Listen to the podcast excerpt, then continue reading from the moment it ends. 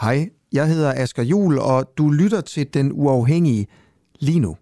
Du skal bare lige huske, at vi sender live hver morgen fra 7 til 9 på vores app. Og på appen kan du også finde nogle af vores andre programmer, der kun er for medlemmer.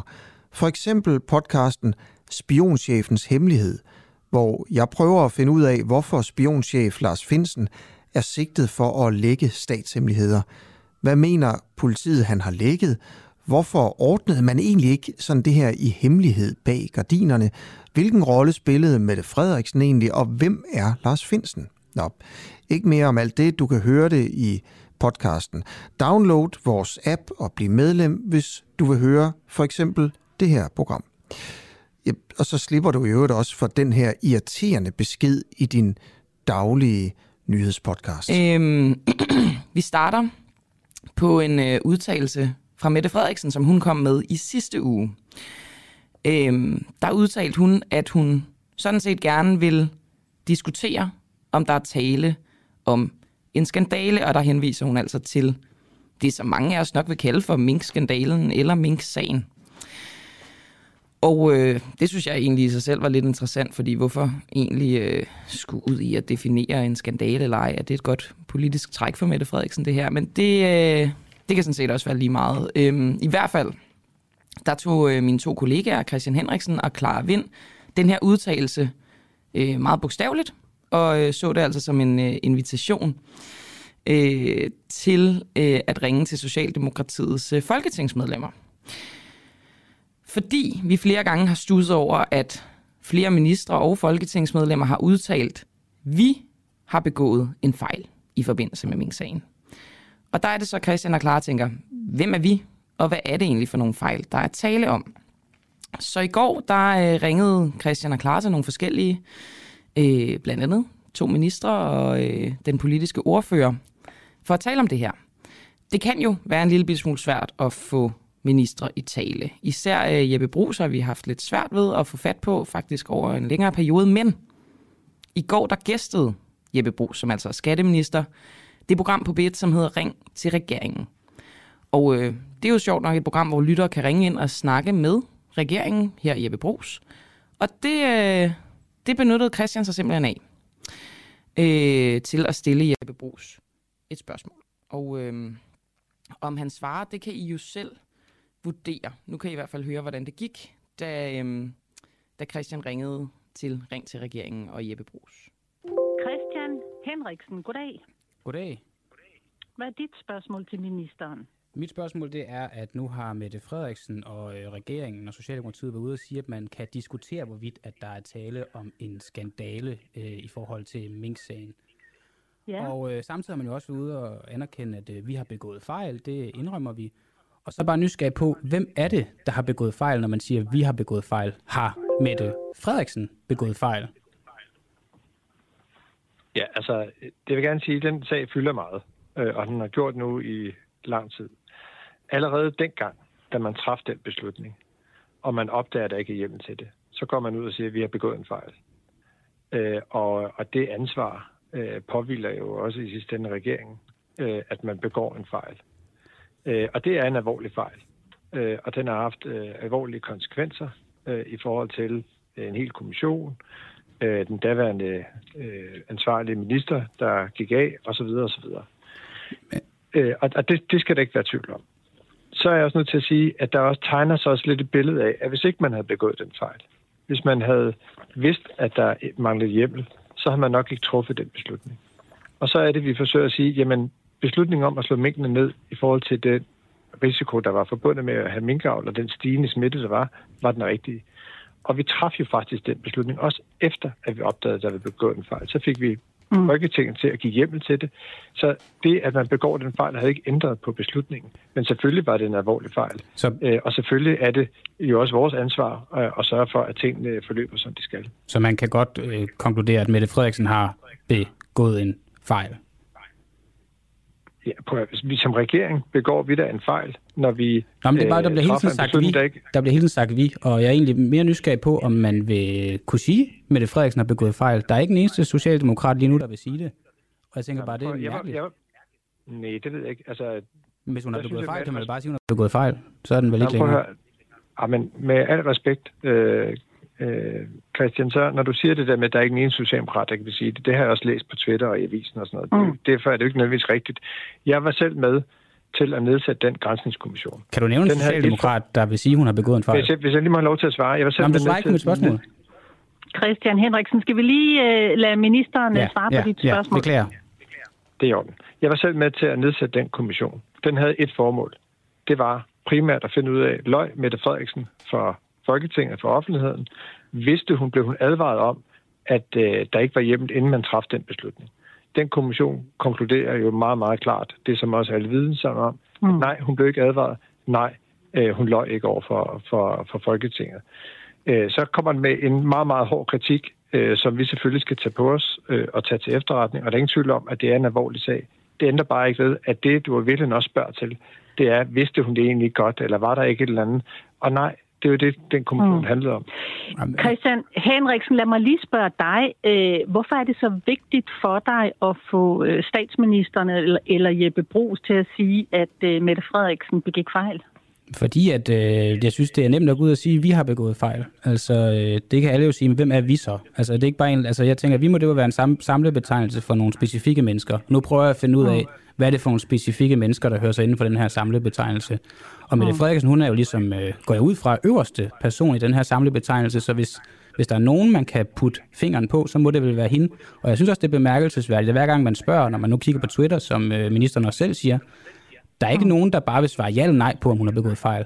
Vi får en eller anden lang forklaring, ligesom jeg også øh, fik men, nu. Men, Okay. men, Nej, med nu- al respekt, jeg har, jeg, jeg har faktisk svaret på det der. Nej, du har ikke svaret. allerede Det er et den- ja-nej-spørgsmål. Så, så forsøger jeg igen. Allerede dengang, hvor man træffede beslutningen, og det viste sig, at der ikke var hjemme til det, går vi ud og beklager og siger, at det var selvfølgelig en fejl. Det gør øh, hele regeringen, det gør statsministeren også. Øh, og før sommeren, da mm. kommissionen er færdig, bliver der indkaldt til et pressemøde, hvor det også bliver mm. gentaget. Så det der billede af, at man tager ansvaret på sig osv., det, det må jeg jo anerkende, at, at, at, at du er farvet af, og det er fair nok, du spørger, så, og så er det jo en anledning til her at, at forklare, hvornår vi... Øh, Christian, jeg tror, det er så langt, øh, som øh, vi kommer med dit spørgsmål. Ja, vi kan godt komme tættere på. Det er et ja-nej-spørgsmål. Altså, vil I ikke også gerne Ja. have at vide, om han vil svare ja eller nej på det her spørgsmål? Eller er I ligeglade? Jamen, Jamen, det, ja, det er fair nok, at du stiller ja og nej spørgsmål til mig. Så er det også fair nok, at jeg sætter lidt flere nuancer. på Du kan dit også bare sige, at jeg vil ikke svare ja eller nej på det spørgsmål. Jeg vil ikke svare på det. For du har ikke, jeg har ikke fået noget svar indtil videre. Det, det føler jeg virkelig ikke. Okay, men det beklager jeg. Jeg synes, jeg har forsøgt at svare, at, mm. at vi har beklaget, vi har taget ansvaret på os, vi har beskrevet, at det var en fejl flere gange allerede dengang, før sommeren osv. ja. Okay, men altså, du kan jo og komme ind på den uafhængige Bebro, så kan vi også tage den der. Der sender vi øh, radio, der er magtkritisk øh, hver dag. Vi har beklaget, vi har taget ansvaret på os, vi har øh, erkendt, at det er en fejl. Vi, vi, vi, vi. Det er jo ligesom øh, det, der var hovedet på sømmet, det som øh, Christian Henriksen her forsøgte at finde ud af. Dækker det vi over blandt andet Mette Frederiksen? Jeg kunne godt tænke mig at høre, om I synes, at det er vigtigt, at regeringen ligesom fortæller om det her, vi dækker over Mette Frederiksen. Jeg synes, på en måde, så, så virker det lidt småt. Men på en måde, så er det også lidt underligt, at hun ikke kan gå ud, og de ikke kan gå ud og sige, jamen Mette Frederiksen begik også en fejl. Ikke dermed sagt, at det var, at, altså det har kommissionen jo ligesom konkluderet, at hun var ikke vidne om, at det var ulovligt. Men jeg kan ikke lade være med at sidde og tænke, jamen, var det en fejl, at hun ikke sikrede sig den viden inden? Var det en fejl? Øhm, vi skal høre flere interviews med øh, blandt andet Christian Rabia Madsen, indrigs- og boligministeren, og også politisk ordfører Rasmus Stoklund i løbet af morgenen. Nu skal vi videre til en ret interessant historie, som øh, vi selv har lavet her på Den Uafhængige, om et kup i en kirke. Men før vi går over til det, så kan jeg måske lige fortælle, hvad morgen ellers kommer til at byde på. Blandt andet skal jeg tale med et øh, kommissionsmedlem, øh, som har været med i den her kommission for den glemte kvindekamp, som er kommet med en række anbefalinger, hvoraf den øh, mest, hvad skal man sige, kontroversielle af dem er, at øh, de anbefaler et øh, forbud mod hovedtørklæder i folkeskolen. Det er i hvert fald det, der har vagt mest øh, debat, siden at kommissionen kom med sine anbefalinger. Der skal jeg tale med øh, Ahmad øh, Mahmoud, som altså er medlem af kommissionen klokken 20 minutter over syv, og klokken den er nu ramt 10 minutter over syv.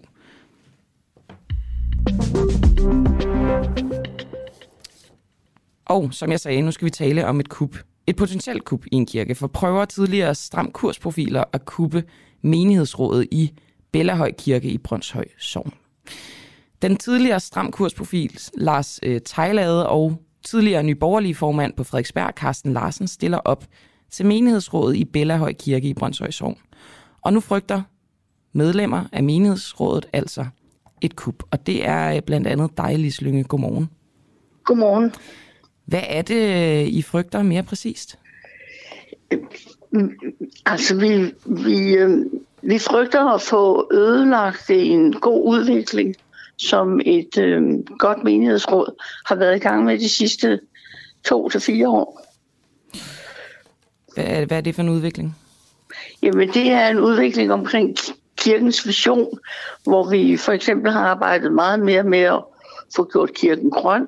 Vi understøtter skaberværket og vil bevare vores, vores jord og vores verden for at, at have fokus for eksempel på den grønne udvikling. Og det har listen med støtforfulgte kristne ikke en intention om. Og... Det er noget, de, de har haft skrevet ud. Okay. Om at, ja. Og øh, vi, er også, vi forsøger også at være en, øh, en moderne kirke i takt med tiden. Vi har en musikprofil, som adskiller sig fra andre kirker.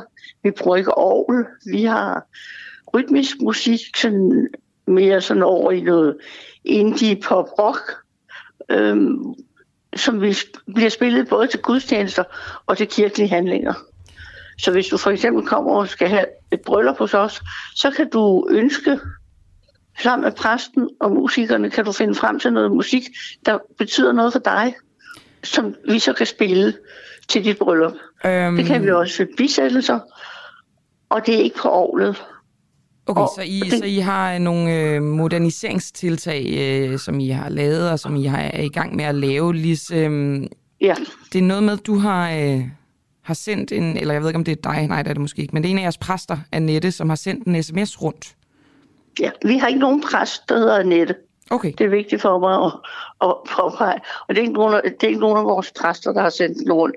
Ja, der er kommet en sms ud om, at, at øh, der, som, som vel skal ses som et opråb fra personalet om, at, øh, at man, kan være, man kan frygte, hvis, hvis Lars og Karsten kommer ind i menighedsrådet og, og bliver en del af kirkens daglige ledelse, så vil kirkens profil jo komme til at ændre sig væsentligt. Og det er den frygt, jeg tror, den sms er et udslag for. Men er det ikke op til øh, dem, der skal vælge menighedsrådet selv at afgøre, hvad der er godt for kirken? Altså nu siger du i en moderne kirke, det handler vel også om demokrati at være en moderne ja, kirke. Ja. Forsøger og, I at påvirke den demokratiske proces her? Overhovedet ikke. Men det er vel det, I gør? Altså I får, forsøger at få nogen til ikke at stemme på nogen? Dem, der har sendt den sms ud, har sendt den ud i et håb om at få flere til at komme og stemme til valget. Valget i dag fungerer jo på den måde, at det er den 20. september, ikke? men det fungerer jo på den måde, at det er på valgaften, man stiller op. Der præsenterer man sit program, der bliver skrevet en hel masse navne op på en liste, og det er så dem, der har står på den liste, og som har præsenteret sig, som deltagerne stemmer på. Og det er kun deltagerne, der kan stemme.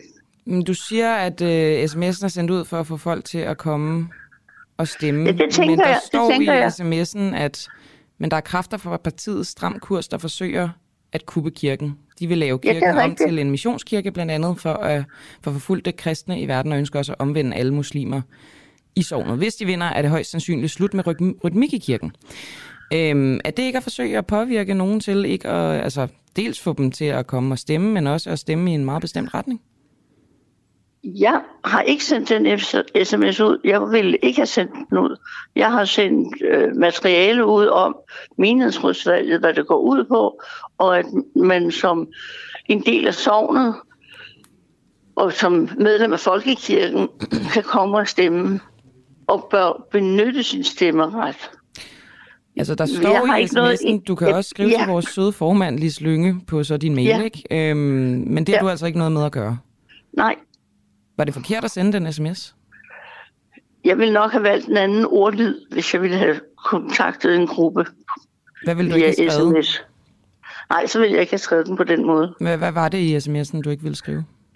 Jamen, jeg vil bare, jeg vil ikke skrive, at vi er bange for at blive kuppet, fordi jeg tror, at kirkens øh, vision kan bære sig selv.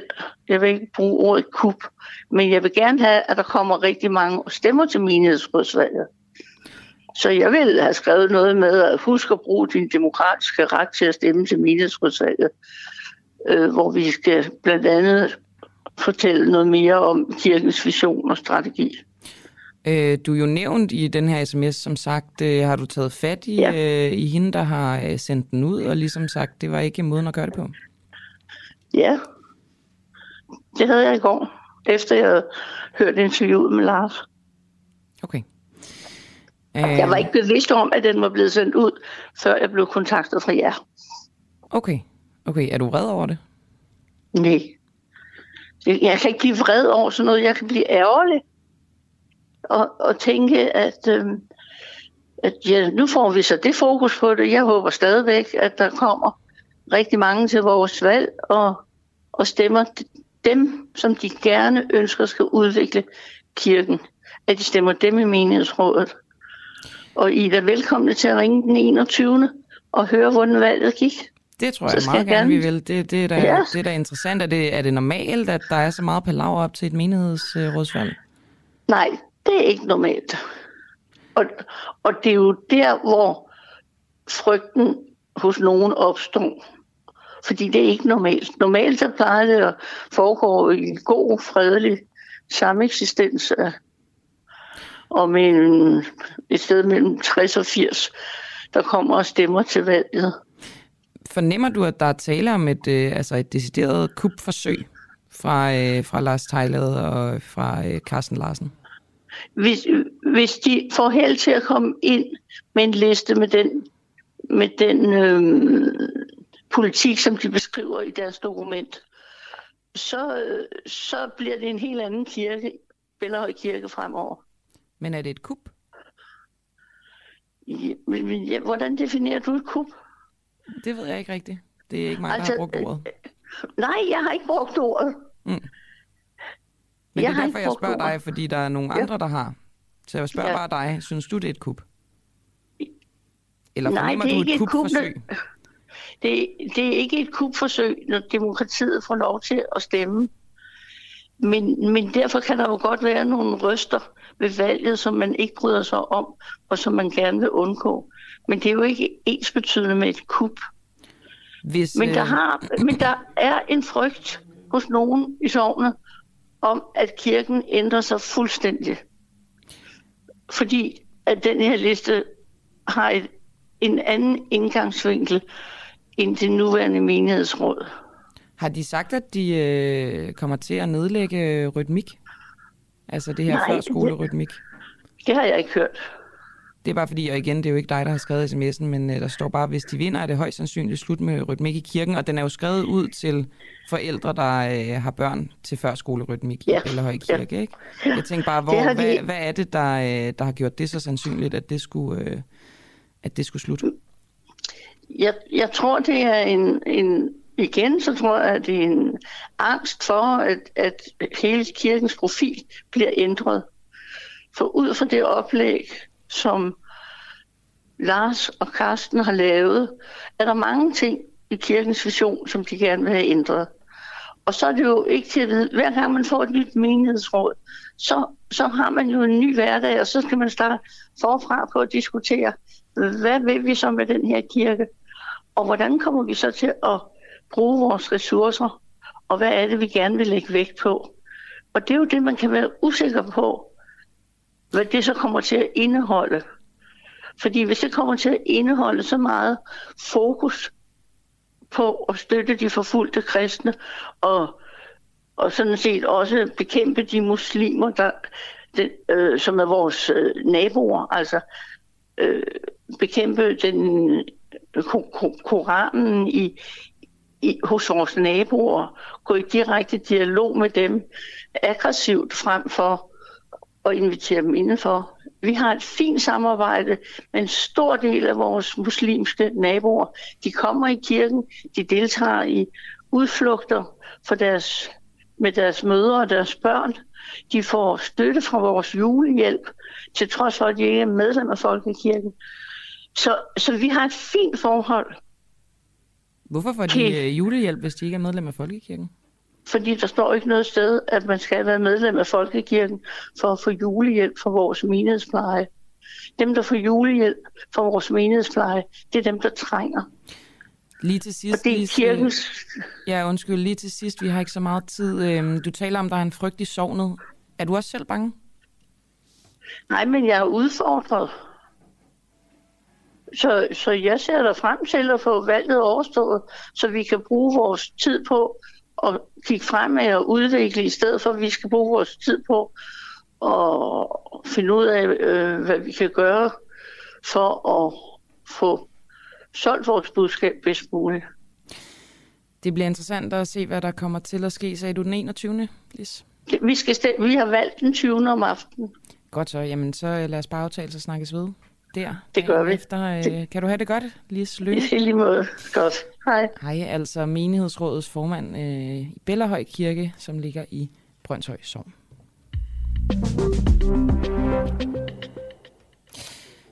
Skal det være forbudt at bære hovedtørklæde og andre tilsløringer i danske folkeskoler? Sådan øh, lyder i hvert fald en øh, anbefaling, en ret opsigtsvækkende, i hvert fald hvis man skal se på reaktionerne, eller det man kan se på reaktionerne, en opsigtsvækkende anbefaling fra øh, Kommissionen for den glemte kvindekamp, som regeringen altså nedsatte tidligere på året. Og øhm, kommissionen er kommet, som jeg sagde tidligere, med en række anbefalinger, men altså, det er helt klart denne her med hovedtørklæderne, som har fået allermest øh, omtale, kan man sige. Og øh, nu skal jeg tale med Ahmed Mahmoud, som er debattør, forfatter og kommissionsmedlem for øh, den her kommission for den glemte kvindekamp. Ahmed, er du med Nej? Ikke rigtigt. Jeg kan se, at øh, han er i gang med at komme på ude i, øh, i regien. Så kan jeg måske i stedet for fortælle lidt om kommissionen, som øh, ligesom øh, i sin første samling af anbefalinger har fokuseret på forholdene for de piger fra minoritetsmiljøer, som lever underlagt æresrelateret øh, relateret social kontrol. Den vil sikre, at de får de samme rettigheder som alle andre børn gennem en række tiltag, som skal gøre op med den sociale kontrol. Ahmad øh, Mahmoud, øh, formanden for kommissionen, øh, Christina Krujsak Hansen fra Socialdemokratiet, mener, at piger i grundskolen er for unge til at have hovedtørklæde på. Er du enig i det? Og godmorgen. Ja, godmorgen. Øhm, ja, det er jeg. Øhm, jeg er enig i det på den måde, at hvis man øhm, har arbejdet på området, øhm, og med de erfaringer, vi i kommissionen har, der kan man jo se, at det at tage tørklæde på, øhm, skaber nogle udfordringer på den måde, at det fjerner dem fra fællesskabet. Øhm, og som vi også skriver i anbefalingspapiret, så, så, så skaber det et også af dem. Øhm, og udfordringerne i folkeskolen bliver også, at øh, nogle af de her piger bliver øh, fjernet fra idræt, fra svømning, øh, fra aktiviteter, der i virkeligheden styrker fællesskabet. Øhm, og, og når de senere vil tage det af, så ved vi også fra praksis, at det er rigtig svært for dem, hvis de vælger at tage det af meget se, altså senere, når de bliver voksne. Så er det ikke et personligt valg, øh, som, som nogen prøver at tale ind i. Så er det lige pludselig hele familien, øh, der presser på til, at det ikke bliver taget af. Var det en enig kommission, når det gælder det her Der var, forslag? der, der var bred enighed om alle de forslag, der blev sendt ud. Var der nogen lige præcis med det her, var der nogen i kommissionen, som var direkte uenige i den anbefaling? Nej, ikke i den her anbefaling. Altså man kan sige, der, der, der, der er jo ingen, der er 100% enige med alle anbefalinger. Det er simpelthen umuligt. Det vi er nået, nået til bred enighed om øh, ved anbefalingerne, når jeg siger 100%, det betyder sådan hvert eneste ord og vending og sådan noget der, men igennem de her diskussioner, hvor vi har delt holdningerne øh, og, og reflekteret over det, der er vi nået til bred enighed omkring de her ni anbefalinger, som sætter holistisk ind i forhold til at, at hjælpe på det her område, og det er både øh, opkvalificering af fagpersoner, det, det er ændring af, af fag som kristendommen og seksualundervisningen, det er hjælp til forældrene, og så det her med tørklædet. Mm. Hvilke undersøgelser har ligget til grund for lige netop den her anbefaling, altså anbefaling nummer syv på listen? Altså det, det man skal huske på, øh, jeg, kan, jeg kan egentlig liste øh, noget, af, noget af den kritik, der rammer øh, kommissionen, hvilket også er helt færre, det er jo, at øh, der, man savner noget kortlægning på området, man savner, øh, at det er forskning, men vi som kommission er ikke sat sammen øh, som en kommission, der skal kortlægge eller forske på området.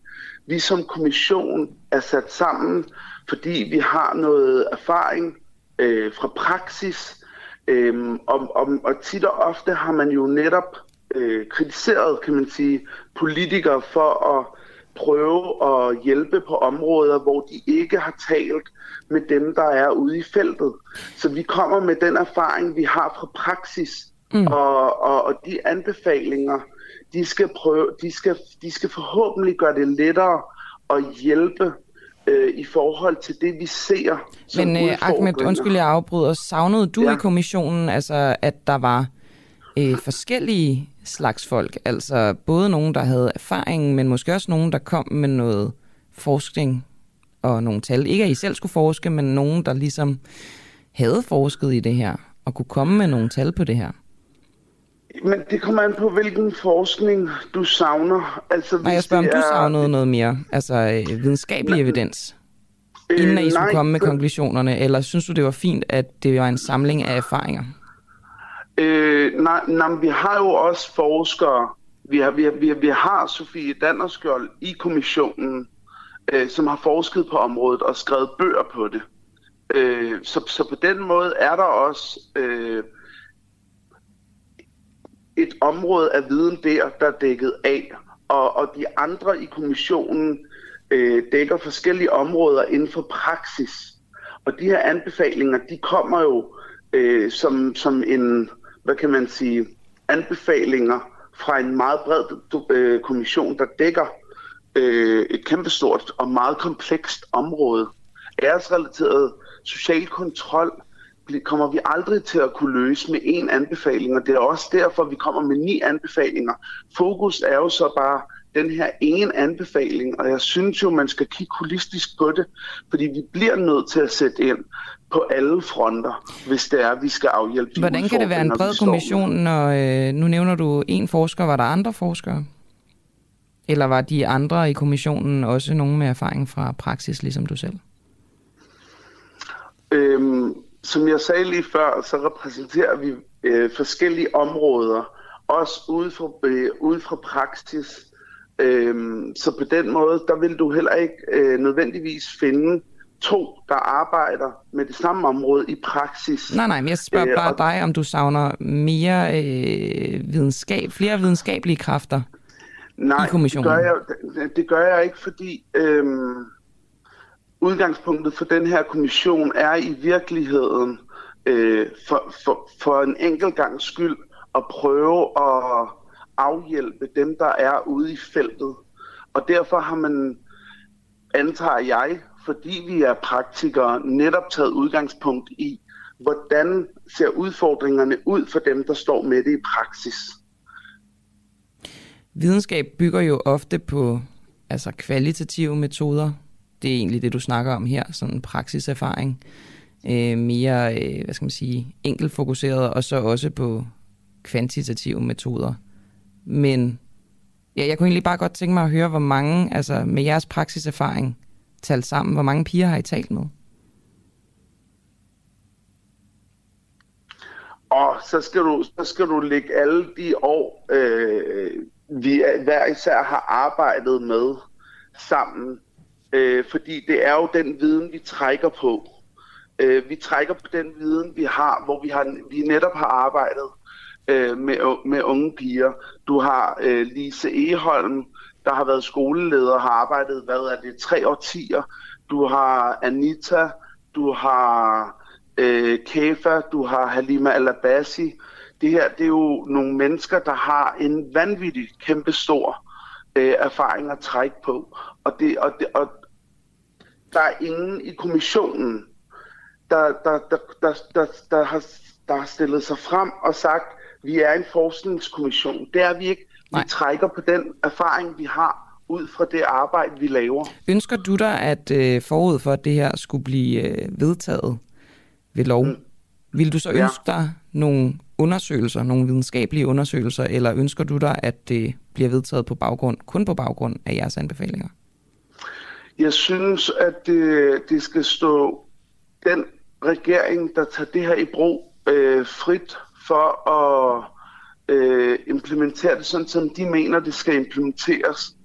Øh, jeg synes jo altid, det er sundt øh, at, at, at få så meget med som overhovedet muligt.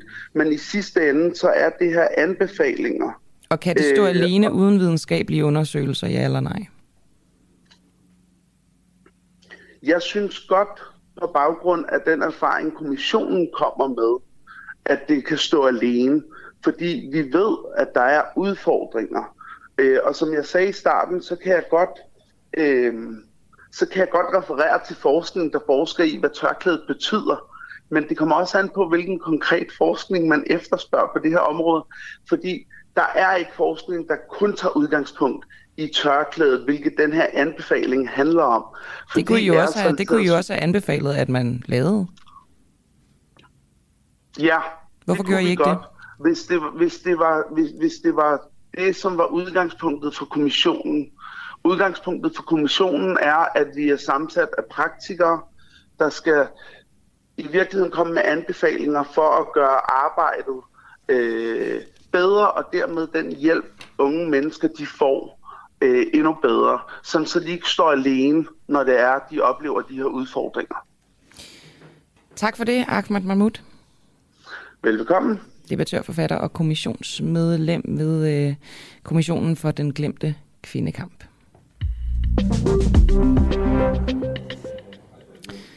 Skal det fortsat være tilladt at fravælge kvindelige præster i ansættelsessituationer? Et flertal af Danmarks biskopper støtter nu, at øh, folkekirken ikke længere skal kunne kønsdiskriminere mellem mandlige og kvindelige præster ved ansættelse. Det er ellers en øh, ret, de har, som det er lige nu. Øh, det her det er noget, som DR har fundet ud af ved en rundspørg, som er foretaget blandt alle landets 10 biskopper. Og nu skal jeg tale med Begitte Bergmann, der er kirkeordfører fra konservative, om hvad de ligesom tænker om, øh, at det i 2022 er tilladt at fravælge kvindelige præster i ansættelsessituationer, fordi de er kvinder. Øhm, ja, det bliver meget interessant at høre, om, øh, om det er noget, politikerne også tænker, at der skal gøres noget ved, eller om det er, som det skal være, man skal lade folkekirken være på den måde. Så Birgitte Bergmann, hvad tænker du og konservative om, at, øh, at det her er tilladt altså at vælge kvinder fra, kvindelige præster fra, i de her ansættelsessituationer, og godmorgen? Ja, godmorgen.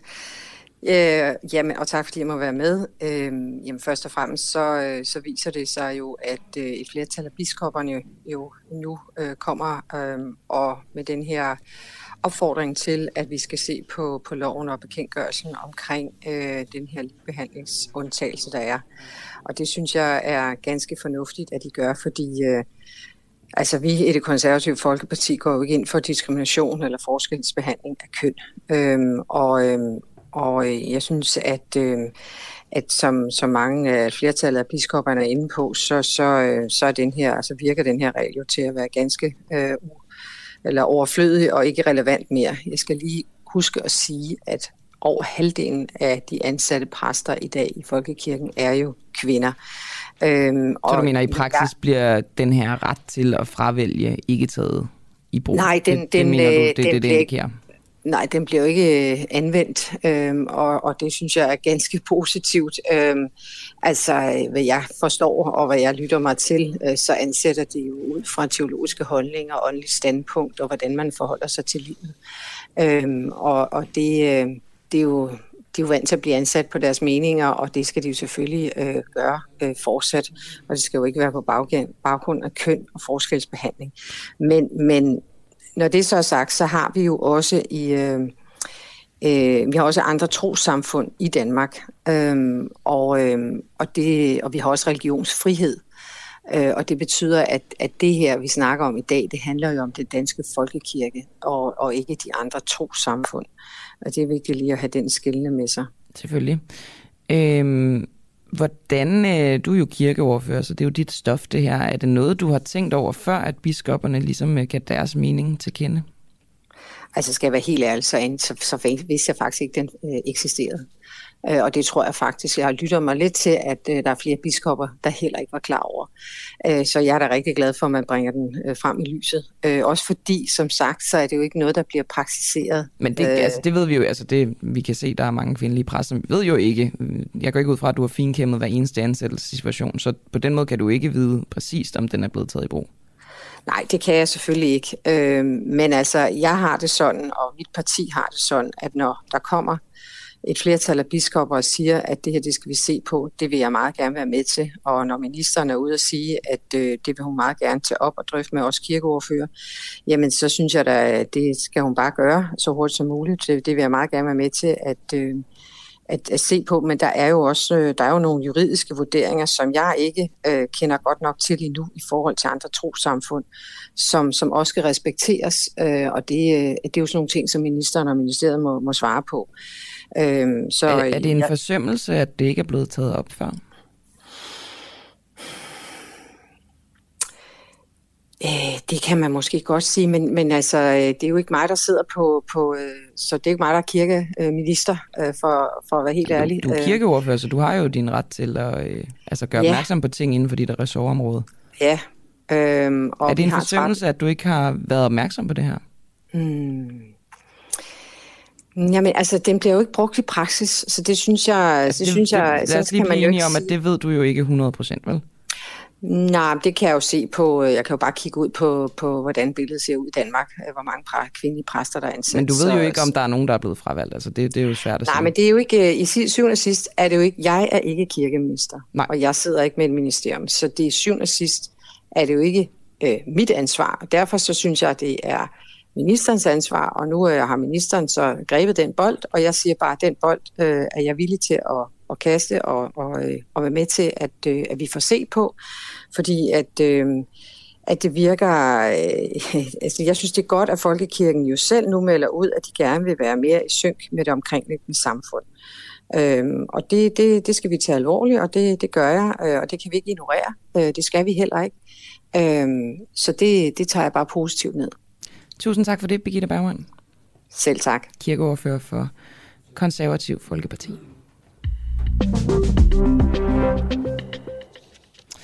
Og så går vi videre øh, med noget, som øh, vi ligesom følger hen over morgenen. Det er faktisk lidt interessant, jeg siger vi, fordi jeg sidder alene i studiet. Og så gør jeg jo egentlig lidt det samme, som regeringen gør, når de siger, vi har begået fejl i Mink-sagen.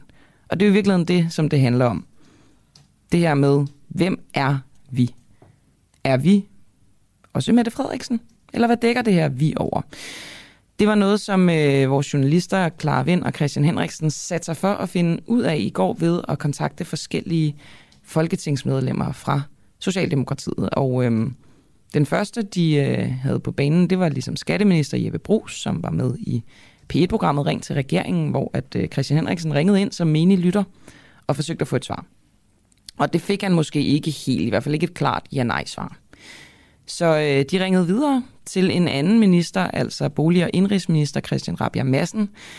Øhm, han ville gerne stille op til interview og hjælpe med at finde svar på det her spørgsmål om, hvem er vi? Hvem er det, der har begået fejl? Har Mette Frederiksen begået fejl i Mink-sagen? Og øh, Clara og Christian, de prøver i, altså ligesom gentagende gange i det her interview at finde ud af, hvem der har begået fejl, og også om Christian Rabia Madsen overhovedet altså ved, hvad det her ord betyder. Så vi kunne godt tænke os at spørge, om du synes, at Mette Frederiksen har begået fejl? Nej, jeg synes, at øh, Mink-rapporten øh, øh, fra kommissionen øh, meget klart øh, belyser, at, øh, at statsministeren ikke var, var vidne om, at der var en øh, hjemmelsproblematik. Så på den måde synes jeg, der bliver, der bliver konkluderet klart der. Så du siger nej øh, til, at hun har begået en fejl? Det mener jeg ikke, man kan sige, og det står der jo også meget klart i, i rapporten, at øh, statsministeren ikke var øh, vidne om, at der var en hjemmelsudfordring. Men det er klart, at det er meget beklageligt, at der ikke var øh, hjemmel. Hvem er det så, der har begået fejl? Også. Hvis I siger, at vi har begået fejl, men det er ikke Mette Frederiksen, som er det øverste organ i regeringen, der har begået fejl. Hvem er det så? Er det Barbara Berlsen, eller er det Torgild Fode, er det Mogens Jensen, eller er det dig? Hvem er det, der er vi? Det er klart, at øh, man skulle have været opmærksom på, at... Og hvem er manden her, må jeg lige spørge om? Hvem er det, mand er? Det... Er det Mette Frederiksen? Nej, det svarede jeg på før. Mm. Øh, jeg mener, er det Barbara Bertelsen øh, så? Jeg mener, at, at konklusionen er, er, er meget klar i, i Mink-kommissionen, øh, i Mink-kommissionens rapport, og den, den siger jo meget klart, at man ikke er klar over, da man træffer beslutningen. Øh, en beslutning, som i øvrigt er, mener jeg, fuldstændig rigtig, øh, fordi sundhedsmyndighederne havde lagt en, en meget klar risikovurdering op. Men jeg, øh, jeg synes, det er en lille smule letkøbt, det der med at sige, at vi har begået fejl. Man skulle have gjort sådan her, uden at blive konkret, fordi I inviterer jo selv ind til den her diskussion, når I siger, at det ikke er en skandale, og det vil I egentlig gerne diskutere. Men så synes jeg, det er en lille smule letkøbt, at I siger vi og mand. Så hvem er det, mand er? Var det Barbara Bertelsen, der er mand, eller er det Mette Frederiksen? Men som øh, kommissionen jo også skriver, så, så, øh, så er det jo en fejl, at der ikke bliver gjort opmærksom på, at der er en hjemmelsudfordring. Men hvem er det så, der er begået den fejl? Jamen, jeg ønsker ikke at, at, øh, at, at pege øh, specifikt øh, nogen ud, men det er Hvorfor? klart, det, Jamen, det, det mener jeg ikke er, er en rolle, der, der tilkommer mig. Mm. Men, men du siger jo, at vi har begået at, fejl, og man, man har gjort det, så du indikerer jo også, at der er nogen, der har gjort det. Og I men... ser også selv en diskussion af hele sagen, og øh, så er det vel nærliggende at, at snakke om, hvem fejlen er begået af. Jamen, det, det stiller jeg også op øh, til, og, og tager gerne øh, den, den snak. Jeg, jeg finder ikke anledning til at skulle øh, pege på nogen øh, specifikt, men det er klart, det er en fejl, at da man træffer beslutningen om og, øh, og, øh, og, og, og, og slå minkbestanden ned, hvilket jeg mener var fuldstændig nødvendigt og det eneste ansvarlige at gøre, fordi sundhedsmyndighederne havde givet en meget klar risikovurdering. Der skulle man selvfølgelig også have været oplyst om, at der var en udfordring med hjemmel. Det der så er at sige om det, det er, at man bliver opmærksom på det, der gør man jo selvfølgelig Folketinget øh, opmærksom på det med det samme, og den hjemmel bliver så tilvejebragt mm. Øh, senere. Nu, nu, øh, nu har vi jo kun lige to minutter her tilbage, men du, Mette Frederiksen har fået en næse. Vil du sige, at man har lavet en fejl for at få en næse, eller hvorfor får man en næse? Nej, det, det er som det er. Øh, det har, det har udvalget bestemt, og det, det er tak til. Men hvorfor har de bestemt det? Synes de, hun har begået en fejl? Det må I ringe og spørge udvalgets medlemmer om. Nå, men hvorfor får man næser i politik? Er det bare tilfældigt givet ud eller til folk, der har øh, gjort noget forkert, eller lavet en fejl, eller noget, der er kritisabelt? Ja, nej, så det får man jo, hvis øh, et udvalg, som samlet repræsenterer et flertal i, i Folketinget, mener, at der er grund til at udtale kritik. Hvad, hvad vil du definere som fejl, hvis du skulle definere ordet? Ja, det er klart, at det er en fejl, at da man træffer en nødvendig beslutning... Jamen, nu tror jeg, vi tænker mere bare på sådan et helt almindeligt øh, lingvistisk plan. Hvad er en fejl? jeg er ikke lingvist, jeg, jeg er politiker, så, så der må jeg ringe til. Men, hvad er din opfattelse af ordet en fejl? Det kan du godt have, selvom du ikke... Øh, Nej, jeg tror, så, så filosofiske diskussioner tror jeg, jeg vil holde, holde mig tilbage for at kaste mig Okay, ud. jeg kan fortælle dig, at en fejl det er en handling, som har uønskede konsekvenser eller er i modstrid med gældende regler. Så spørger jeg bare lige igen, har Mette Frederiksen begået en fejl? Og det bliver nej, lidt det hurtigt det her, så du siger nej til det, kan jeg allerede høre her. Og har Barbara Bertelsen begået en fejl? Jamen, det, det, det mener jeg ikke, man, man kan tale om. Altså, så det er også et nej? Ja, og jeg kommer ikke til at gå igennem øh, samtlige embedsmænd Jamen, der er lige to til, det er ikke embedsmændene, men Mogens Jensen gik jo af som minister. Gjorde han det, fordi det var en fejl? Eller fordi han begik Mogens en fejl? Jensen gik jo ikke af, fordi det var en fejl at slå øh, mængden ned. Det var tværtimod øh, fuldstændig nødvendigt, og havde været en meget betydelig fejl og en, øh, et, et svigt af sit ansvar, hvis ikke man har truffet den nødvendige beslutning. Men hvorfor gik han af, hvis, han ikke, Jensen, hvis der ikke var begået en fejl? Men Mogens Jensen øh, går af som minister som en konsekvens af, at der i den proces øh, ikke længere er, er tillid til ham i, i, i Folketinget, og det har han jo også selv øh, meget, meget klart øh, sagt. Fordi han begik en fejl? Jamen igen, det, det, øh, det, det kommer ikke til at gøre mig til, til dommer over. Øh, jeg vil bare sige, at, at, at Mogens Jensen øh, gik jo af, øh, fordi øh, der i Folketinget ikke længere var, var, var tillid til ham, og det synes jeg var selvfølgelig en, en fornuftig beslutning, når nu tingene øh, stod øh, sådan. Hvem fanden er det så, der har begået fejl, sidder jeg og tænker. Altså, det er ikke nogen af dem, som de nævner. Men de siger jo alligevel, går ud, regeringen går meget ud og bruger det her øh, vi, altså vi-formen, altså pluralis. Der må være nogen, der har begået fejl, men det er godt nok svært at finde, hvem det er. Christian Rabberg kan i hvert fald afvise, at det er Mette Frederiksen, Barbara Bertelsen, Mogens Jensen. Ingen af dem har begået fejl. Altså, er det så svært at, at sige, at man begår en fejl? Jeg begår det fejl. Altså, det har jeg sikkert allerede gjort tusind gange i løbet af den her morgen. Jeg ved ikke, hvad det er, de frygter, der sker, hvis man indrømmer, at der var blev begået en fejl. Nå, vi skal videre. Er det nok at forbyde spilreklamer 15 minutter før og 15 minutter efter sportskampe på tv? Knap en halv million danskere lider i forskellig grad af spilproblemer.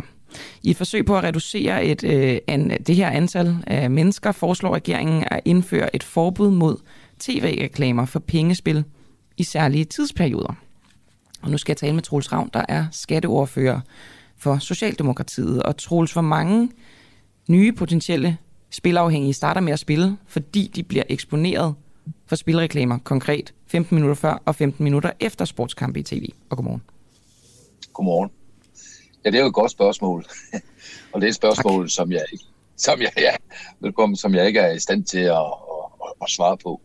Men, men, men der er, øh, når, når, når vi taler med, med, med mennesker, der er spilafhængige, altså ludomaner, når vi taler med eksempelvis Center for Ludomani, der forsker i det her område, så er der nogle klare indikationer på, at, øh, at spilreklamer og spilreklamer på tv, som er meget, meget massivt, at det har en indflydelse på øh, øh, de mennesker, øh, der er spilafhængige. Det er ikke sådan, at, at du og jeg, vi sætter os så frem i fald, at vi ikke er spilafhængige.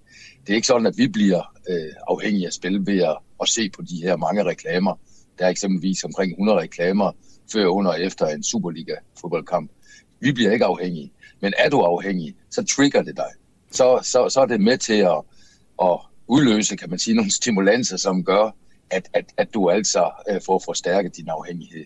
Så det er derfor, at vi nu om lidt øh, på Christiansborg, partierne imellem, vil sætte os ned sammen og drøfte, om, om ikke det nu er tiden er kommet, hvor vi skal regulere vores øh, spilmarked i Danmark. Og det er jo en spændende regulering, det her forslag med, at det er 15 minutter før og 15 minutter efter. 30 minutter før eller 30 minutter efter, vil det have en mindre effekt på dem, der er eksponeret for spilafhængighed i forvejen? Og, og det er igen øh, ja, et godt spørgsmål, og, øh, og, og det kan man heller ikke svare entydigt på. Det kan man heller ikke svare entydigt på. Altså i, i det hele taget må vi jo medgive, altså som politikere, øh, at, øh, at, at vi mangler øh, forskning, vi mangler evidens øh, på, på, på det her område. Men, men, men, men vi har jo her i, øh, i foråret øh, netop øh, fået en, en rapport øh, udarbejdet af, af, af Rambøl, som fortæller, at, øh, at der er sket en fordobling af de mennesker, der er spilafhængige i Danmark i løbet af de seneste fem år. Øhm, og det her, altså nu, nu, nu skal man ikke sådan male fanden på væggen, men det her, det er alvorligt. I, i varieret grad, og det skal jeg understrege, det er i varieret grad. Der er omkring 478.000 danskere. De, de har øh, i et eller andet omfang i varieret grad øh, udfordringer øh, med spil. Lige fra meget, meget stærk afhængighed af spil, altså ludomani, hvor, hvor, hvor du ikke er i, i, i stand til at passe et job eller din uddannelse, altså, og, og hvor din økonomi bliver totalt smadret, og hvor du øh, har et rigtig dårligt liv, til at at, at spilafhængighed også er noget, der på, påvirker dig i din dagligdag. Hvorfor forbyder og, og I ikke tal, spilreklamer altså på baggrund af, af det? De, de, de her tal og den her rapport, det, det, det, det er det, der nu her i senest har, har gjort stort indtryk på os, og hvor vi siger, at, at, at, at nu må vi sætte os ned og se på, hvordan vi kan regulere. Og, og det er det, der, der gør, at, at, at så skatteminister Jeppe Brugs i første omgang er kommet med det her forslag om, at øh, fem, 15 minutter før øh, et, et, en, en fodboldkamp, og lige stand 15 minutter efter sidste fløjt, at der skal der ikke være, der er der forbud mod øh, spilreklamer på tv. Hvorfor ikke bare forbyde dem helt? Altså kan man tale om et, et, et, et totalt forbud, øh, og man kan tale om måske 30 minutter eller en time, eller hvad ved jeg. Og det er jo det, vi kommer til at tale om. Det er jo det, vi kommer til at drøfte.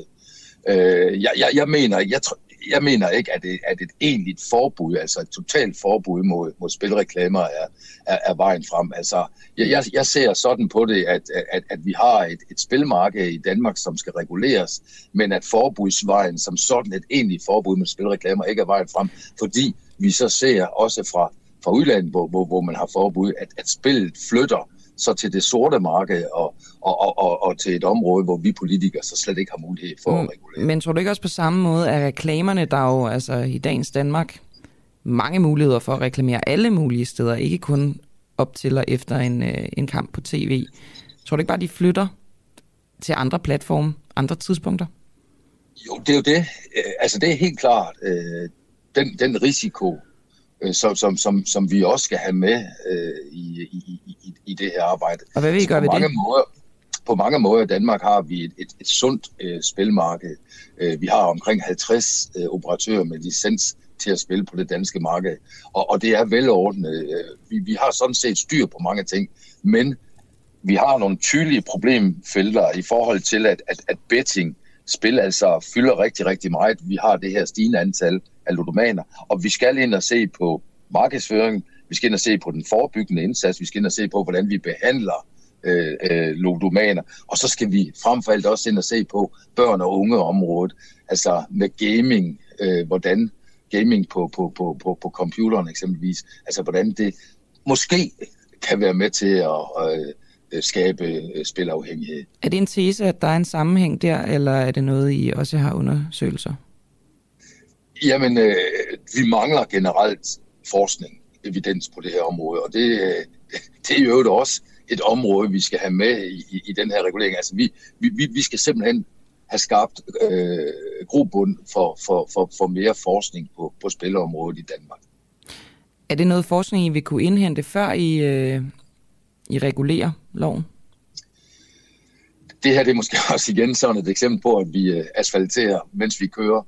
Altså, øh, jeg mener, at, at der er klare indikationer, helt klare indikationer på, også altså nu med den her seneste rapport, der altså fortæller om, at, at, at, at, at, øh, at spilafhængighed er fordoblet på, på, på fem år, og at, at mange tusind mennesker faktisk har de her problemer ind på, på liv. At, at det er i sig selv rigeligt til, at, at vi skal se på det her. Men samtidig med, at, at, at vi kommer med, med, med, med, med gode forslag til en regulering, jamen så er der ikke nogen tvivl om, at, at vi altså også i fremtiden skal på et eller andet niveau skal indhente viden, forskning, evidens om, om spilafhængighed. Og der, altså vi har jo Center for Ludomani blandt andet, som arbejder med det her og, og, øh, og, og, og gør det rigtig godt. Men, men det er jo sådan nogle tiltag, indsatser, som vi skal gøre mere ud af. Det kan godt være mig, der er langsomt øh, opfattende, Troels Ravn, men øh, du siger i, øh, i det her tilfælde også asfaltere, mens I, øh, mm.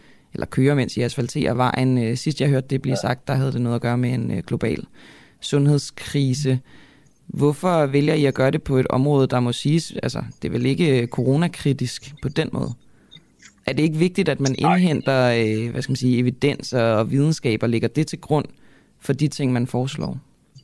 Bestemt, bestemt. Det, øh, det er det altid. Så hvorfor laver I den her asfalterings, øh, mens vi kører metode på det her? Fordi det, det gør kæmpe stort indtryk øh, at se på de her tal øh, med spilafhængighed og, og møde de her mennesker. Det, det, det, det gør vi jo. Øh, altså jeg oplever jo, at, at, at mine kolleger øh, fra, fra de andre politiske partier jo også er meget optaget af det her. Og blandt andet altså jo øh, møder øh, spilafhængige mennesker, ludomaner, øh, besøger Center for Ludomani, Forskningsklinikken i Aarhus blandt andet osv. Altså prøver at sætte os ind i de her problemfelter. Og, og, og det gør altså bare indtryk, og, og, og det fortæller os også, at, at, at, at her er altså noget, hvor, hvor vi skal tage et politisk ansvar. Øh, vi, vi, altså spil er jo hygge og sjov og alt muligt, men, men, men, men pengespil er altså også blevet, altså har fået en karakter i Danmark, hvor, hvor, hvor det er normalt at, at spille om penge de hurtige spil på din telefon. Du kan lynhurtigt spille på det næste frispark, det næste hjørnespark, hvem vinder kampen osv. Og, og det har altså skabt, kan man sige, øh, øh, nogle pro- pro- problemfelter øh, omkring ludomani, som, som, vi, som vi skal gøre noget ved. Og blandt andet altså den her massive markedsføring, altså det er også noget af det, vi kan se på tallene, at, at det er jo eksploderet i løbet af de seneste 10 år. Altså prøv, prøv at tænke dig, altså 100 øh, reklamer for forskellige spil i forbindelse med, med, med en Superliga-kamp. Altså det her, det er massivt, og det bliver vi nødt til at forholde os til. Tusind tak for det, Troels Ravn. Jamen selv tak. Skatteordfører fra øh, Socialdemokratiet. Hej igen. Hver dag efter morgenudsendelsen kan du høre et særligt udvalgt interview i vores podcast Den Uundgåelige. Interviewet er valgt, fordi det er det bedste, det vigtigste eller mest interessante. Altså, gælder, gælder ejendomsretten ikke for dig, Bibi, bare fordi du er kunstner? Jo, jo, selvfølgelig gør den det, og det er klart, at hvis der skulle være et, øh, et efterspil, så står, jeg, så står jeg naturligvis øh, til rådighed for domstolen, og jeg øh, forholder mig til de, til de følger, der måtte komme. Det står jeg 100% til ansvar for. Du finder den uundgåelige i vores app, eller der, hvor du henter din podcast. Et nyt interview hver dag. For dig, som ikke fik hørt hele morgenudsendelsen, men ikke vil gå glip af dagens bedste interview.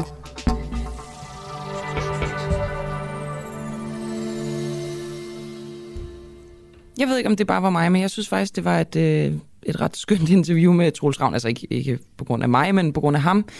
At han faktisk svarede, og han svarede, når han ikke kunne svare, at det kunne han ikke. Eller sådan, der var en eller anden sådan meget øh, oprigtighed. Det blev ikke sådan en underlig boksekamp, hvor at han talte udenom og sådan noget.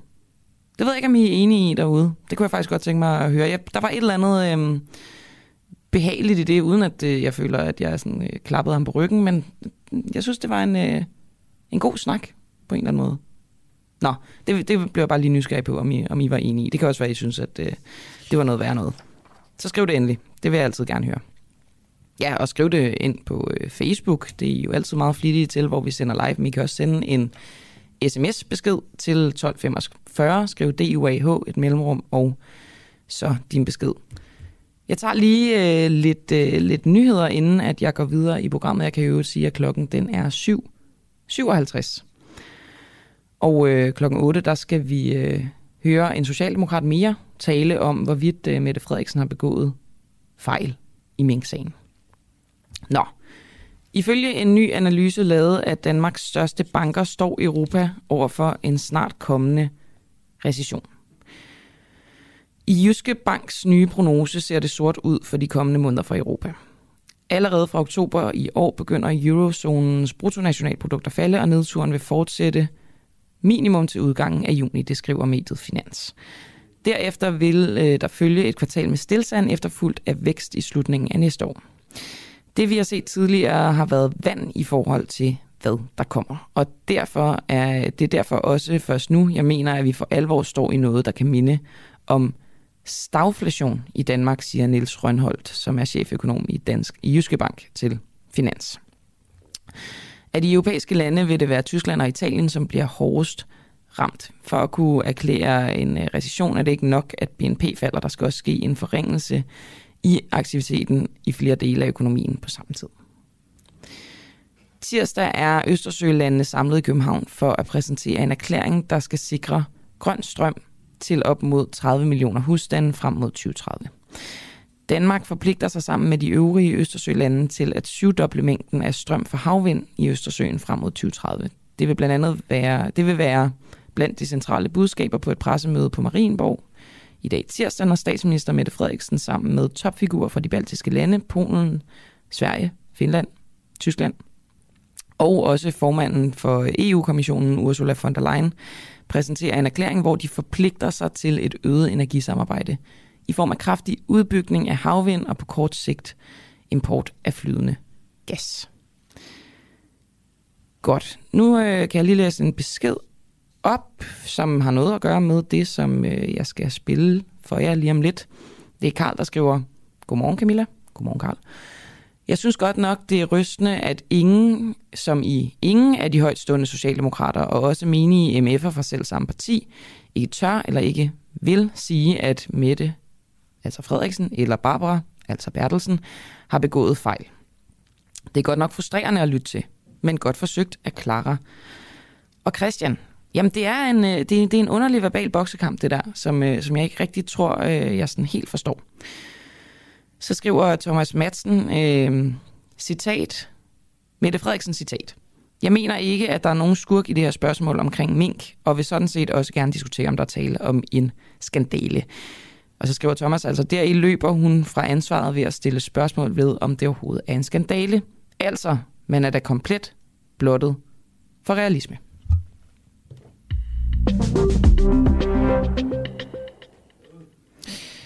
Og øh, apropos det, så skal vi nu høre et bånd med Rasmus Stoklund. Øh, det er egentlig øh, det samme spørgsmål, som øh, Clara Vind og øh, Christian Henriksen har stillet til altså både skatteminister Jeppe Brugs, indrigs- og boligminister Christian Rabia Madsen, og nu altså også politisk ordfører i Socialdemokratiet, Rasmus Stoklund. Og det er det her spørgsmål om, hvorvidt, øh, eller hvad det egentlig dækker over, når regeringen de, øh, siger den her sætning, vi har begået fejl. Og øh, altså de, de tog det som en invitation, det som Thomas også skriver her, det her med, at hun gerne vil, Mette Frederiksen altså gerne vil tale, diskutere, om der er tale om en skandale, og det, det tog de altså som øh, en opfordring til at finde ud af, hvem det er, der har begået fejl. Tæller det Barbara Bertelsen, Torgild Fod eller Mette Frederiksen? Det spurgte de altså Rasmus Stoklund, politisk ordfører fra Socialdemokratiet om. Det vil jeg jo meget gerne have sat på, det klip. Og det kan godt være mig, der er blind, men jeg kan simpelthen ikke uh, se det. Klippet ligge her. Muligvis er det fordi, at det uh, er blevet navngivet med Jeppe Brugs. Nu prøver jeg lige at sætte et klip på, så måske er Rasmus Stoklund, måske er Jeppe Brugs. Christian Henriksen. Det var Jeppe Brugs. Nu prøver jeg et andet klip.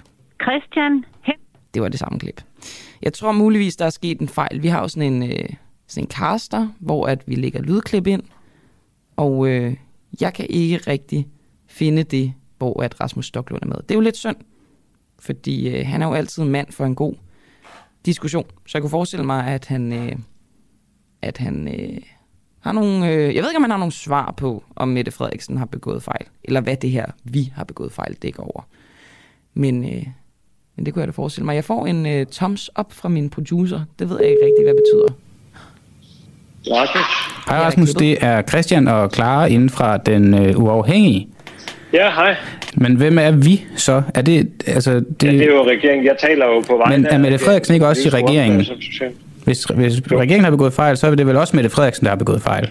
Altså, Det er jo også derfor, vi siger vi. Det er også derfor, jeg siger, at jeg ikke rigtig har mere til, for vi har diskuteret det her spørgsmål ret mange gange.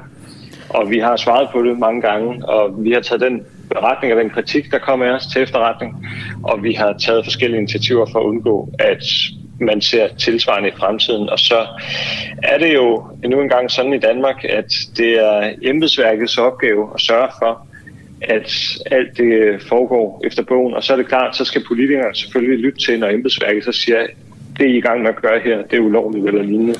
Og øh, der blev hverken Mette Frederiksen eller, eller andre minister jo advaret om, at der var ved at foregå noget ulovligt. Og øh, det er jo så derfor, at vi nu har øh, konkluderet, som vi har gjort. Kan du så ikke lige prøve at vi så har fået næse, og at Mogens Jensen han øh, måtte tage sin afgang i sin tid. Jeg kan godt høre, at du ikke rigtig gider at gå mere ind i det her, Stoklund, men det bliver vi simpelthen lidt nødt til. Og jeg vil gerne prøve at høre, hvorfor du ikke synes, det her det er en skandale. Vi siger, at vi mener, at man kan diskutere, om det er en skandale, og om ikke, at det er mildest talt, der er kommet lidt ud af proportioner. Men mener synes vi du, er. altså, så du kan afvise, at det ikke er en skandale? Fordi I siger, at vi skal diskutere det, men kan du sige, at det ikke er en skandale, eller kan du sige, at det er en skandale? Jeg siger, at vi har åbnet for en diskussion af det, og at jeg sådan set ikke har noget behov for at finde nogle konklusioner, fordi det er jo helt åbenlyst, at der er nogen, der mener, at det er en kæmpe skandale. Der synes jeg bare, at det er relevant at tilføje den debat nogle proportioner. Og det er jo det, vi har forsøgt at gøre ved at pege på, at selve det, at mængden blev slået ihjel, det var sådan set det rigtige at gøre. Altså, øh, det var selvfølgelig ikke rigtigt, at der var nogle mink, der blev slået ihjel, uden at der var hjemmel på plads. Og derfor så var der så 150.000 mink, som blev slået ihjel, men de 17 millioner mink, de blev slået ihjel lovligt, og der var hjemmelsproblemet overhovedet ikke til stede. hvad med altså, så hele den her Claus Hjort Frederiksen-sag og Lars Finsen og sådan noget? Det er en skandale. Jamen, det øh, vil jeg overhovedet ikke gå ind i. Det, jeg taler om nu, det var... Men alle skandaler kan jo så i princippet kaldes- minksagen, og jeg siger bare, når der kommer en risikovurdering fra Statens Serum Institut, der siger, at vaccinerne, der skulle øh, udrydde covid-19-pandemien og folkesundheden i Danmark er troet. Skulle en regering så sige, at det kan da godt være, men øh, vi er bange for meningsmålingerne, så det har vi ikke tænkt os at rette os efter. Det sagde man jo i Venstre, men det siger vi altså ikke i Socialdemokratiet. Okay, nu stopper jeg lige, Rasmus. Den virkelige skandale er, at man i Venstre vendte på en tallerken, da Jacob Ellemann var nede og blive banket på plads af sin gruppe. Så er det godt. Nu du siger klart lige noget. nu tager jeg altså lige ordet. Altså, er det en skandale, eller er det ikke en skandale? Ja eller nej? Vi kommer det ikke nærmere. Jeg har svaret jer det, jeg ønsker at svare. Men Rasmus, er det der ikke bare en vej ud af alle skandaler, at man hele tiden vil kunne sige, altså det er jo bare til op på et eller andet filosofisk plan, hvor det slet ikke kan holdes i hænderne længere, fordi man altid kan sige, at der er to sider af en sag. Så derfor så er det, det for nogle skandaler, for andre, jo, det er det derfor. Derfor så er det for nogle skandaler, for andre så er det ikke en skandale. Er, om proportionerne er rimelige. Det kan du gøre til alting. Altså, det, det, kan du gøre til alting. Forhold, at det har fyldt forsvind, det ved jeg ikke, om man kan, men det forhold, at det har fyldt forsvindende lidt, at Jacob Ellemann, han som udgangspunkt var enig med os, men da man så i Venstres gruppe bankede ham på plads og øh, på et møde med minkbranchens øh, deltagelse, så beslutter sig for, at, øh, at nu vil man hellere føre valgkamp på det, selvom at det, man gambler med, det er folkesundheden, og det er vaccinerne, der skal bekæmpe covid-19-pandemien. Altså, det, at, at det ikke er en skandale, det fatter jeg ikke. Nu spørger vi ikke på Venstres vejen, men så lad os lige tage her til sidst. Altså, når du siger, at vi har begået fejl. Okay, har Barbara Berlsen begået en fejl? Men altså, I kan jo læse min kommissionsberetning, I har set har, den, den ligger på mit kontor. Har Torkel fået begået en fejl? Gerne, I må øvrigt også gerne låne den af mig. Hvis Mogens Jensen, og han er blevet I sendt... Udmærket godt, I ved udmærket godt, at jeg ikke kommer til at gå ind i øh, nogen personsager her, eller kommer til at stå og sige... Okay, så på Mogens Jensen. Mogens Jensen, han er, blevet, han er blevet afskedet som minister. Det er vel, fordi han har begået en fejl? han tog konsekvensen af den kritik, og øh, mistillid blev rejst til ham. Men har han så taget en konsekvens, uden at have begået en fejl? Næser til, der er uddelt næser til de to minister, statsministeren og Mogens Jensen, og der er en række øh, embedsmænd, der nu kører personalesager imod. Har man begået en klart, fejl, hvis man har fået en næse? Jamen altså, øh, regeringen har begået fejl, vi har begået fejl, Øh, og Men hvem er vi så? Regering og i centraladministrationen, og, og der kommer vi det ikke nærmere. Det hvis har vi næser, sagt mange hvis... gange, at vi tager til efterretning, og der kan I jo læse, hvad der står i ja. teksterne. Og, og vi tager så i øvrigt den kritik, der har været af os til efterretning. Hvis man, hvis man ikke kan sige, at en næse er et øh, billede på et ord for noget, man giver til folk, der har begået fejl, hvad er næserne så? Det er en kritik, Folketinget kan udtale. Men hvorfor giver man, hvorfor giver man, giver man, giver man, giver man, giver man kritik til folk, der ikke har begået fejl? Jamen, øh, det er dig, der siger, der er nogen, der kan begå fejl. Jeg siger bare... Nej, nej, jeg siger, vi, vi, vi, vi, diskuterer det. Jeg selv, jeg selv, jeg, nej, du kan ikke sige, vi ikke går ind... Du, du, du, I, I siger, I siger, I siger, I siger, I siger, I siger, I siger, I siger, I siger, I siger. Det var, om det her det var en skandale eller ikke en skandale, det har jeg svaret på, og derfor har jeg faktisk ikke mere at tilføje. I siger, det kan diskuteres. Nu siger, du, nu siger du, at du ikke vil gå ind i diskussionen. Nå ja, men det har jeg jo lige diskuteret med jer. Det var jo, altså... Det var en kort diskussion. Nej, det var det ikke. Jeg har svaret, ja. Så du vil ikke sige, om Mette Frederiksen, Barbara Berlsen, Torkel Fod eller Mogens Jensen har begået en fejl, men du siger, vi har begået fejl. Det er bare meget, meget øh, løs, hvis man ikke kan sige, hvem det er. Det bare er vi. Jeg, jeg, for, jo, det er som at nævne Voldemort over for dig og spørge. Det er helt åbenlyst, at jeres store interesse her, det er jo at lave noget sensationsjournalistik. Nej, vi vil bare diskutere det. Vi prøver at finde ud af, hvem er der har begået en fejl, fordi jo, I vil ikke diskutere det. I vil gerne lave nogle sjove overskrifter og lave nogle sjove Det kan vi ikke i en radio, det bliver svært. Men vi vil jo bare gerne... Det kan, I kan sagtens lave nogle sjove sammenklip, det gør I da ofte. Rasmus, det kan diskuteres. Rasmus, nu trækker du bare tiden ud. okay, ha' det godt. Nej, ja, i lige måde så. I lige måde. Hej. Tænk, at Voldemort skulle blandes ind i det her. Nå, heller ikke et øh, decideret svar fra Rasmus, eller jo, et svar, men måske ikke lige det svar, som, øh, som der blev, blev let efter. Jeg synes altså, det her er meget interessant. Jeg tænker at få en næse, uden at man har begået fejl. Det var da irriterende, tænker jeg. Hej, du lytter til Den Uafhængige på podcast. Husk, at du også kan lytte med, når vi sender live hver morgen kl. 7. Download vores app, Den Uafhængige, og tryk på play-knappen. Det er helt gratis. Jeg tager lige en øh, nyhed, inden jeg skal tale med Jakob Korsbo om øh, situationen i Ukraine. Københavns Kommune vil etablere flygtningeby til 550 ukrainere i Sydhavnen. Men placeringen møder kritik for at ligge i et område, hvor der kan høres skud i dagstimerne. Københavns Kommune har planer om at opføre pavillonboliger til ukrainske flygtninge i Sydhavnen med plads til 550 personer. Det kunne Berlingske beskrive i onsdags. Men placeringen af pavillonboligerne møder kritik for, at de ukrainske flygtninge vil kunne høre skud i dagstimerne. Og det skyldes, at pavillonbyen kommer til at ligge, citat, tæt nok på politiets skydebane til, at der er kontinuerlig støj fra skud i skydebanens åbningstid i dagtimerne, lyder det øh, fra Kongens Inghaves lokaludvalg, der repræsenterer beboerne i området. Flere af de lokale er generet af støjen, og derfor frygter de, hvordan det kan påvirke de ukrainske flygtninge. Og øhm, ja, der kunne man jo godt, bare som helt almindeligt menneske, tænke, skud, lyden af skud, og så folk, der er flygtet fra krigszoner. Det er måske ikke den bedste sådan cocktail i verden. Du lytter lige nu til Den Uafhængige. Danmarks måske mest kritiske, nysgerrige og levende radio. Hvis du har en god idé til en historie, så skriv til os på Facebook eller send os en mail. Adressen finder du på hjemmesiden.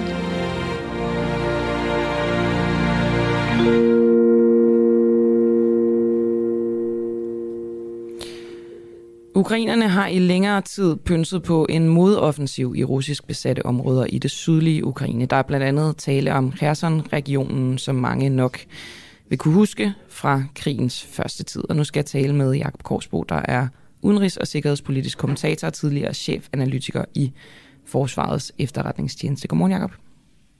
Godmorgen, godmorgen. Hvordan kan man se, at ukrainerne har forberedt de her modangreb først og fremmest?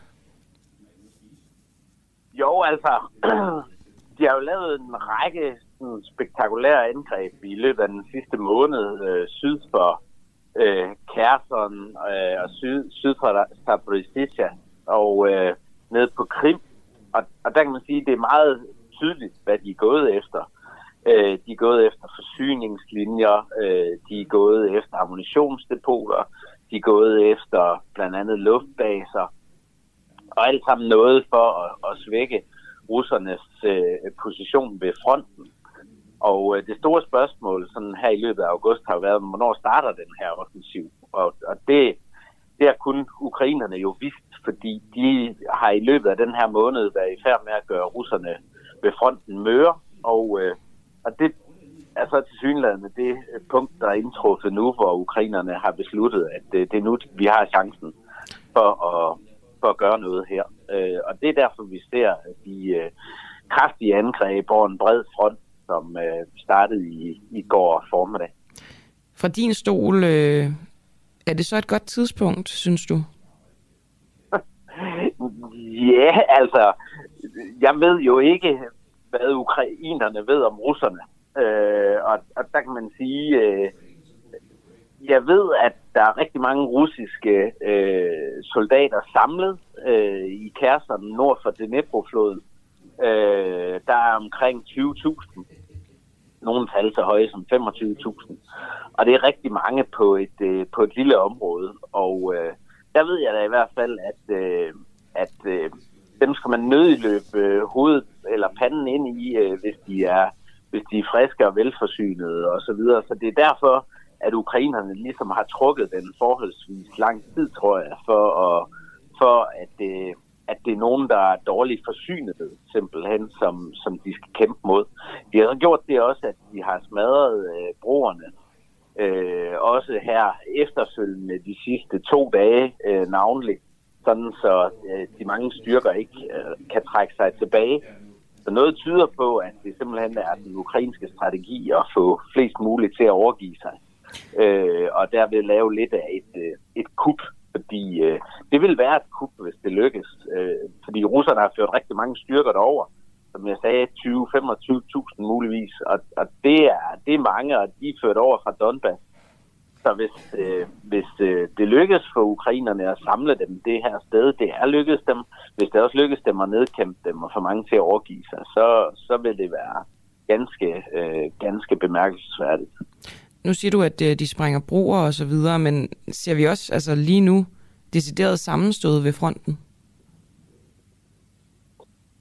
Ja, altså det er jo meget sparsomt, hvad der kommer ud, men, men de oplysninger, jeg har kunne grave frem her til morgen, tyder på, øh, at der er, der er angreb har fortsat over fem forskellige akser øh, i løbet af natten øh, langs den front, øh, nord for, nord for Dnipro-floden.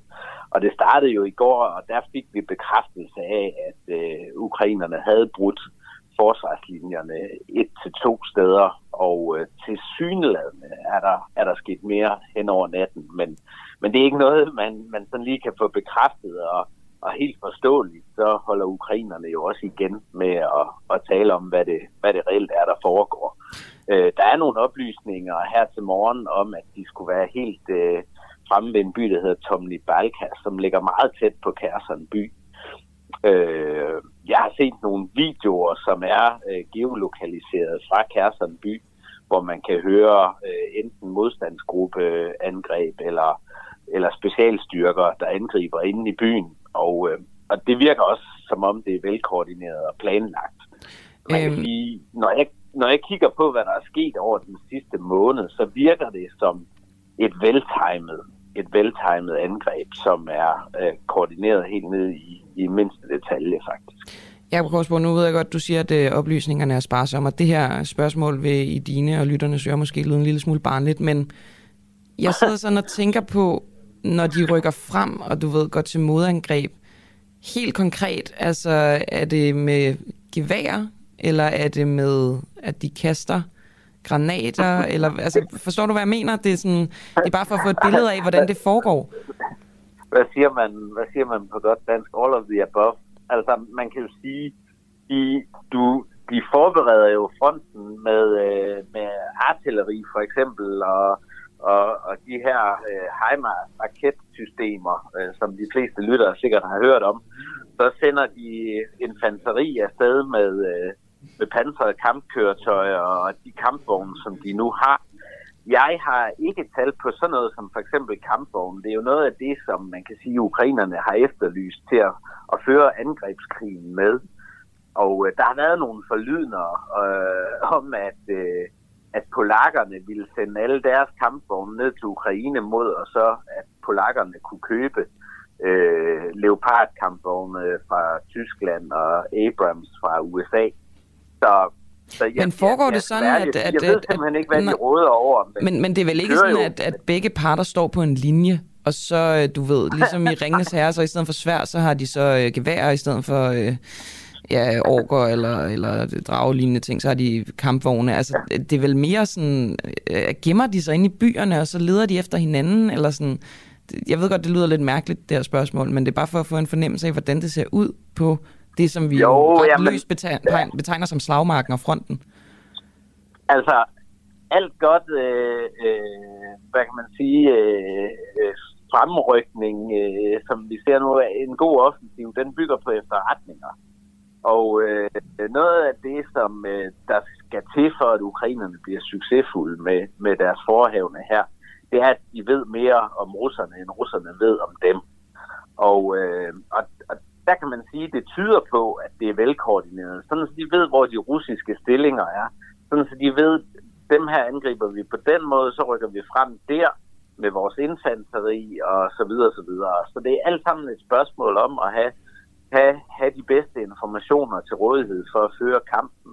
Øh, og, øh, og, og det lader det til, øh, ukrainerne har. Noget af det, som vi også har set her øh, de sidste uger, at, at de er gået efter, det er det russiske luftforsvar og, og radarvarslingssystemer. Øh, og det er jo simpelthen for at kunne udnytte deres luftvåben også. Øh, altså, der er, jeg har set bekræftede videoer med, øh, med det ukrainske luftvåben, som, øh, som, som er, er deltager i offensiven. Øh, og, øh, og det, er jo, det er jo også det, de har forberedt den her, den her måned ved at gå efter, efter deres radar og, og luftforsvarssystemer. Så, så det lader til, at ukrainerne spiller på alle tangenter. Som jeg sagde før, det lader til, at der er enten specialstyrkeangreb bag de russiske linjer og, øh, eller, eller modstandsgrupper. Øh, fordi der, er, der foregår kampe inde i Kærson by øh, i hvert fald. Så, så, så de spiller på alle tangenter.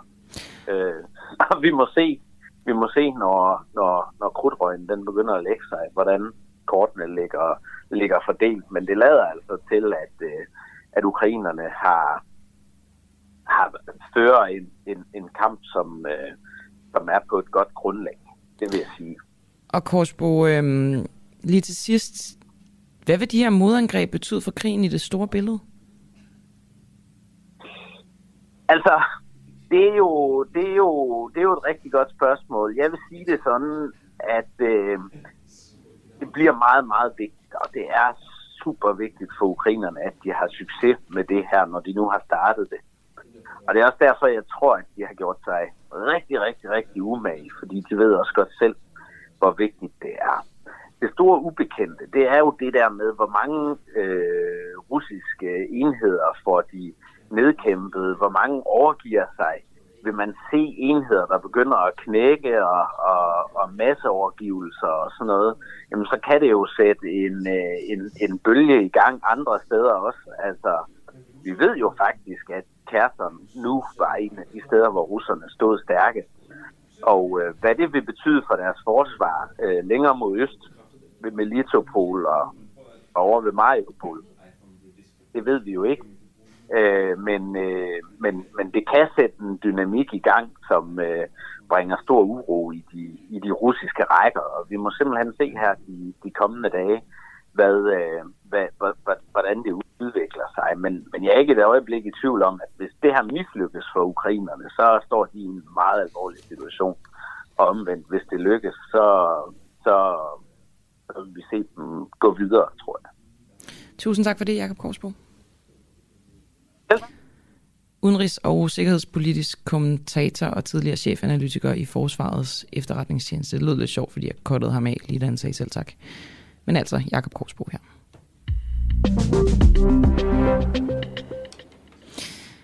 Har de offentlige ansatte indtil nu ikke haft tilstrækkelig ytringsfrihed?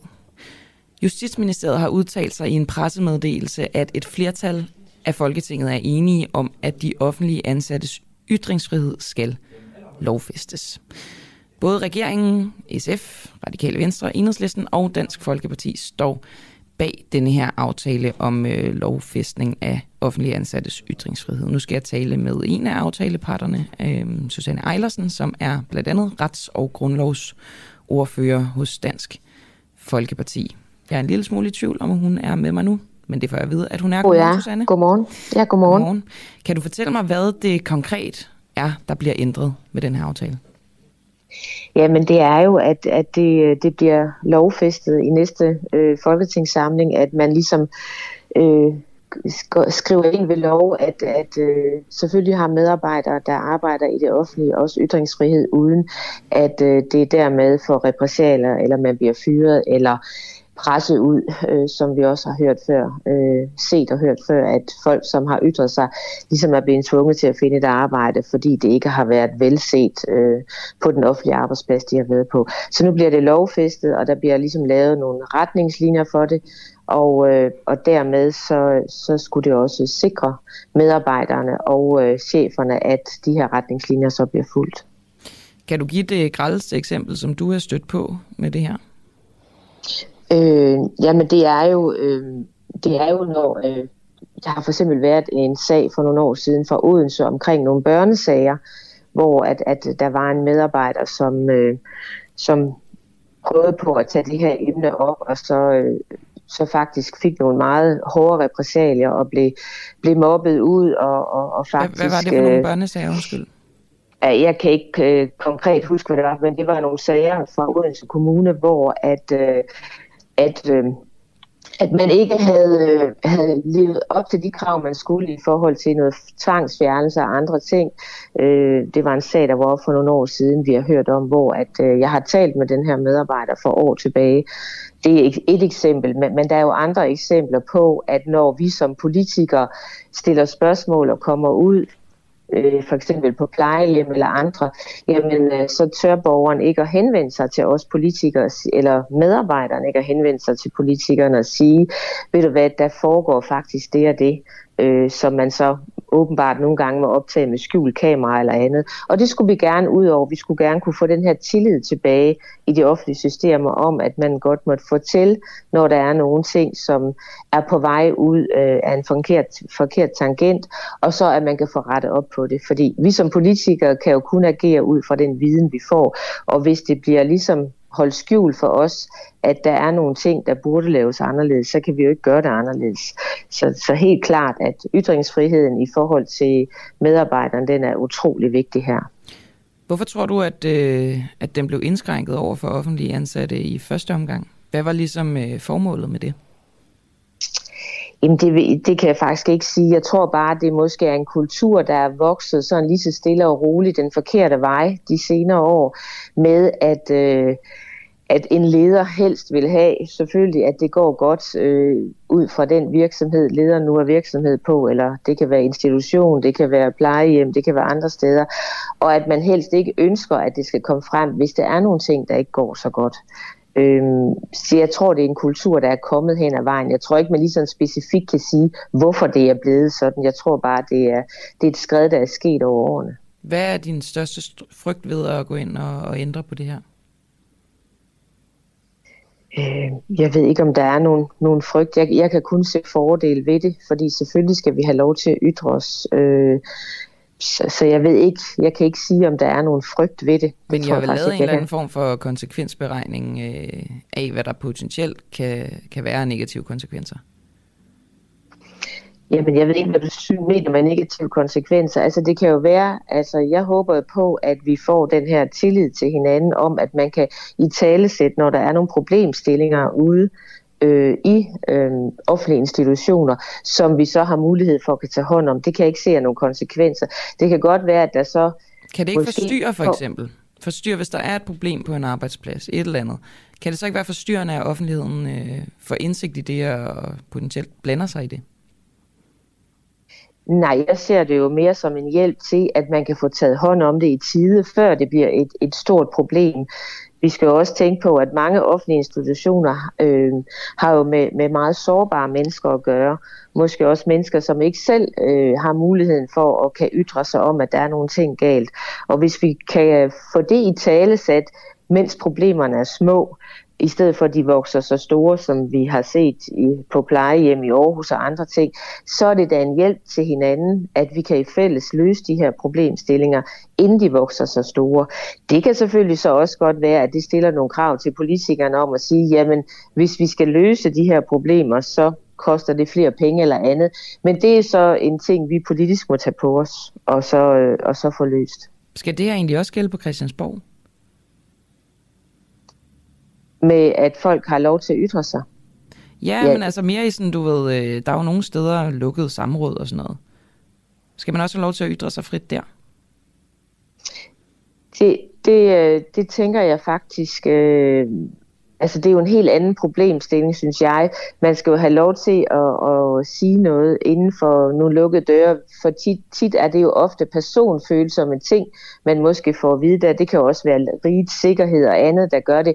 Så det kan jeg ikke sådan bare sige en til en. Men, men det er da helt klart, at jeg synes, at øh, man skal væk fra lukkethed og så meget åbenhed som muligt. Det skulle vi jo helst kunne give hinanden. Men der vil være ting, som er så personfølsomme, så, så man bliver nødt til at diskutere det i et lukket rum. Men det, det tror jeg aldrig, man kommer helt på, på andre arbejdspladser, tænker jeg. Det kan det sagtens, men... Så men, er, er vi ikke i fare for med, med det her forslag, at nej, det synes jeg ikke. Det synes jeg ikke. følelser nej, med jeg synes, ting, vi... som kommer til offentlighedens skue? Øh, Nej, fordi selvfølgelig er, altså, når vi har en personalesag, og når det er personfølsomme ting, så er der jo nogle andre øh, mekanismer, der træder i kraft. Så jeg synes, man, du, man blander to ting sammen her i, i forhold til, til ytringsfriheden. Selvfølgelig har vi nogle steder, hvor at man, øh, man har brug for over for visse personer, at der er nogle ting, som er i lukket rum, og det, øh, det har vi jo, en, synes jeg, også en meget god lovgivning for, at når det er personalesager og andet, så man ikke hænger enkeltpersoner ud. Det her er jo ikke for at hænge enkeltpersoner ud, det er jo simpelthen for at i tale sætte nogle problemstillinger. Så, så det, det, mener, det mener jeg, det er blandt to forskellige, eller to ting sammen her, der ikke har noget med hinanden at gøre. Alright, jamen så lad os uh, lade være med det, Susanne Eilersen. Jeg tror også, at uh, det faktisk var det. Tak fordi du var med. Ja, selv tak altså øh, blandt andet rets- og øh, grundlovsordfører fra Dansk Folkeparti. Oppositionen i Folketinget er afgørende for demokratiet. Det glemmer mange, men vi husker det på den uafhængige. Derfor giver vi en fremtrædende oppositionspolitiker en mikrofon og et studie hver uge. Lige nu er verden blå, men hvis magten skifter, bliver verden rød. Lyt til oppositionen på Den Uafhængige app, som kan downloades gratis.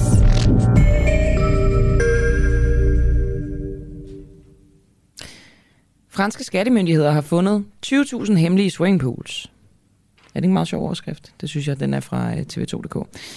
Ved hjælp af kunstig intelligens, altså AI, har de franske skattemyndigheder fundet frem til 20.000 swimmingpools, som de ikke kendte til. Det skriver TV2, at BBC skriver. Hvis der er pools på en grund, betyder det højere ejendomsskatter, og derfor har myndighederne indkasseret 85 millioner kroner på at spotte swimmingpools på luftfotos fra ni franske regioner. Gud, det håber jeg da også, man vil kigge på i Danmark.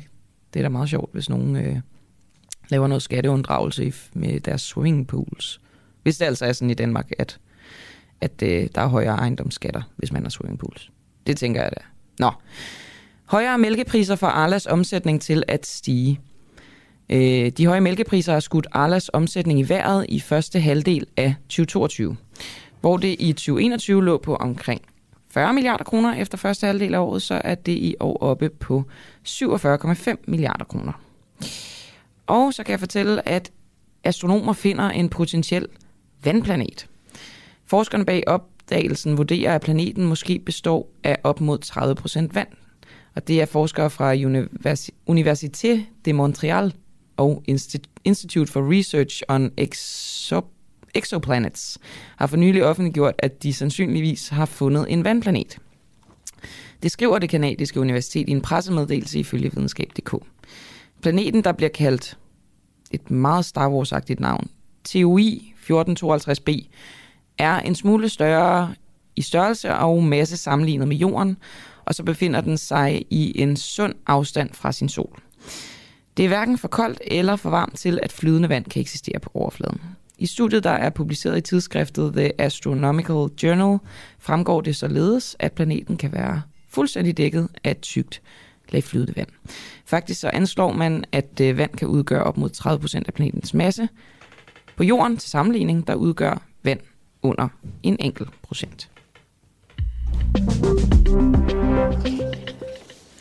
Og med det direkte videre til Lars Bøje, hvor at, øh, jeg egentlig stiller det samme spørgsmål, som øh, Clara Vind og Christian Henriksen stillede til en masse S-profiler i går, altså om Mette Frederiksen har begået fejl. Fordi Mette Frederiksen og regeringen har åbnet for diskussionen om, hvorvidt man kan kalde Mink-sagen for en skandale, og samtidig siger de, at vi har begået fejl i forbindelse med aflivningen af alle mink. Lars Bøje, medlem af Folketinget for Nye Borgerlige. Er øh, Mink-sagen en skandale for regeringen? Og godmorgen. Godmorgen. Ach, du svarer ja, det kan jeg næsten gætte. Nej, men det er jo ikke kun en skandale. Det er måske den, en af de største skandaler i dansk politik i nyere tid. Øhm, og, og det er flere aspekter. Øh, der er jo både øh, selve det, der, der, der sker øh, omkring mink-situationen. Altså, jeg synes, det er en, en skandale, den måde, man bruger de oplysninger, der kommer fra, fra SSI, den måde oplysningerne fra SSI øh, bliver lavet på. Det i sig selv er, er, er en skandale. Øh, så er der en skandale med, at man bliver ved øh, med den ulovlige ordre. Øh, også selvom man, derfor man finder ud af, at man faktisk ikke har lovhjemmel til det her. Hvis man nu skal tro på, øh, som regeringen siger, at de ikke vidste. Øh, så tror du ikke på det? Embeds... Undskyld, jeg afbryder. Tror du ikke på, at de ikke vidste? Nej, det tror jeg ikke på. Altså, du tror ikke på, at Mette Frederiksen ikke vidste? Nej.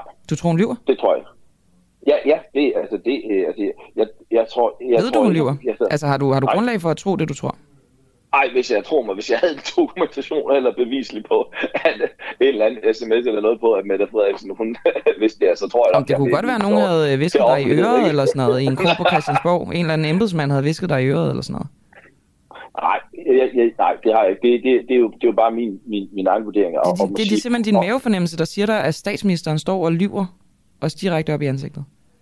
Ja, altså, ja, altså øh, at, at hun og Barbara Bertelsen ikke skulle være bekendt med, at når der ikke er lovhjemmel til at slå nogen mænd ihjel, og slå lidt flere mænd ihjel, at der så skulle være fuldstændig uproblematisk, og man ikke har problem med lovhjemmel om at slå alle mænd ihjel. Det kan jeg simpelthen ikke øh, forestille mig, at, at, at man ikke vil vide om. Jeg kan ikke forestille mig, altså det helt banale, at når staten, og det her det er jo sådan helt, helt basalt, når staten skal bruge penge på noget, for eksempel da man skulle udbetale de her bonusser, du kan staten jo ikke bruge penge, uden at det er, er hjemmet et eller andet sted. Og i det her tilfælde skal det jo hjemmes i, i finansudvalget. Det, Mette Frederiksen har siddet i Folketinget i, i, i 20 år og været minister gentagende gange, at, at man ikke ved, at, at, at man ikke bare kan, kan, kan sætte noget i gang, øh, og, og bruge penge på den, uden det at være forbi finansudvalget. Øh, øh, Selvfølgelig ved man det. Altså, så, så, så for mig er det, er, er, er det helt banalt. Men, men det er jo ikke... Øh, øh det er jo ikke det, min kommissionen øh, har, har, har bevisligt kunne finde frem til. Det siger de også, det at de ikke kunne, kunne, kunne dokumentere. Og så må vi tage det til gode, og vi må tage det når, når der ikke er bevis på det, så må man jo erkende, at det er det, som man har sagt. Sandt. Jamen, så, så, så hvis vi forholder os til det, der er på bordet, og det er også mig, der afspurgte det hele, Lars Bøge, det må du undskylde, men hvis vi går tilbage til det her med skandale, så mener du, at det er en af de største skandaler øhm, ja, det, i det, hvis, man tager ud, ja, hvis du tager udgangspunkt i, hvad Mink-kommissionen selv øh, så, så, så, så siger jeg, at det her det er direkte citeret fra Mink-kommissionen. Så siger de, øh, der er således efter kommissionens vurdering og kommissionens opfattelse tale om objektive brud på sandhedspligten og legalitetsprincippet, som direkte involverer statsministeren.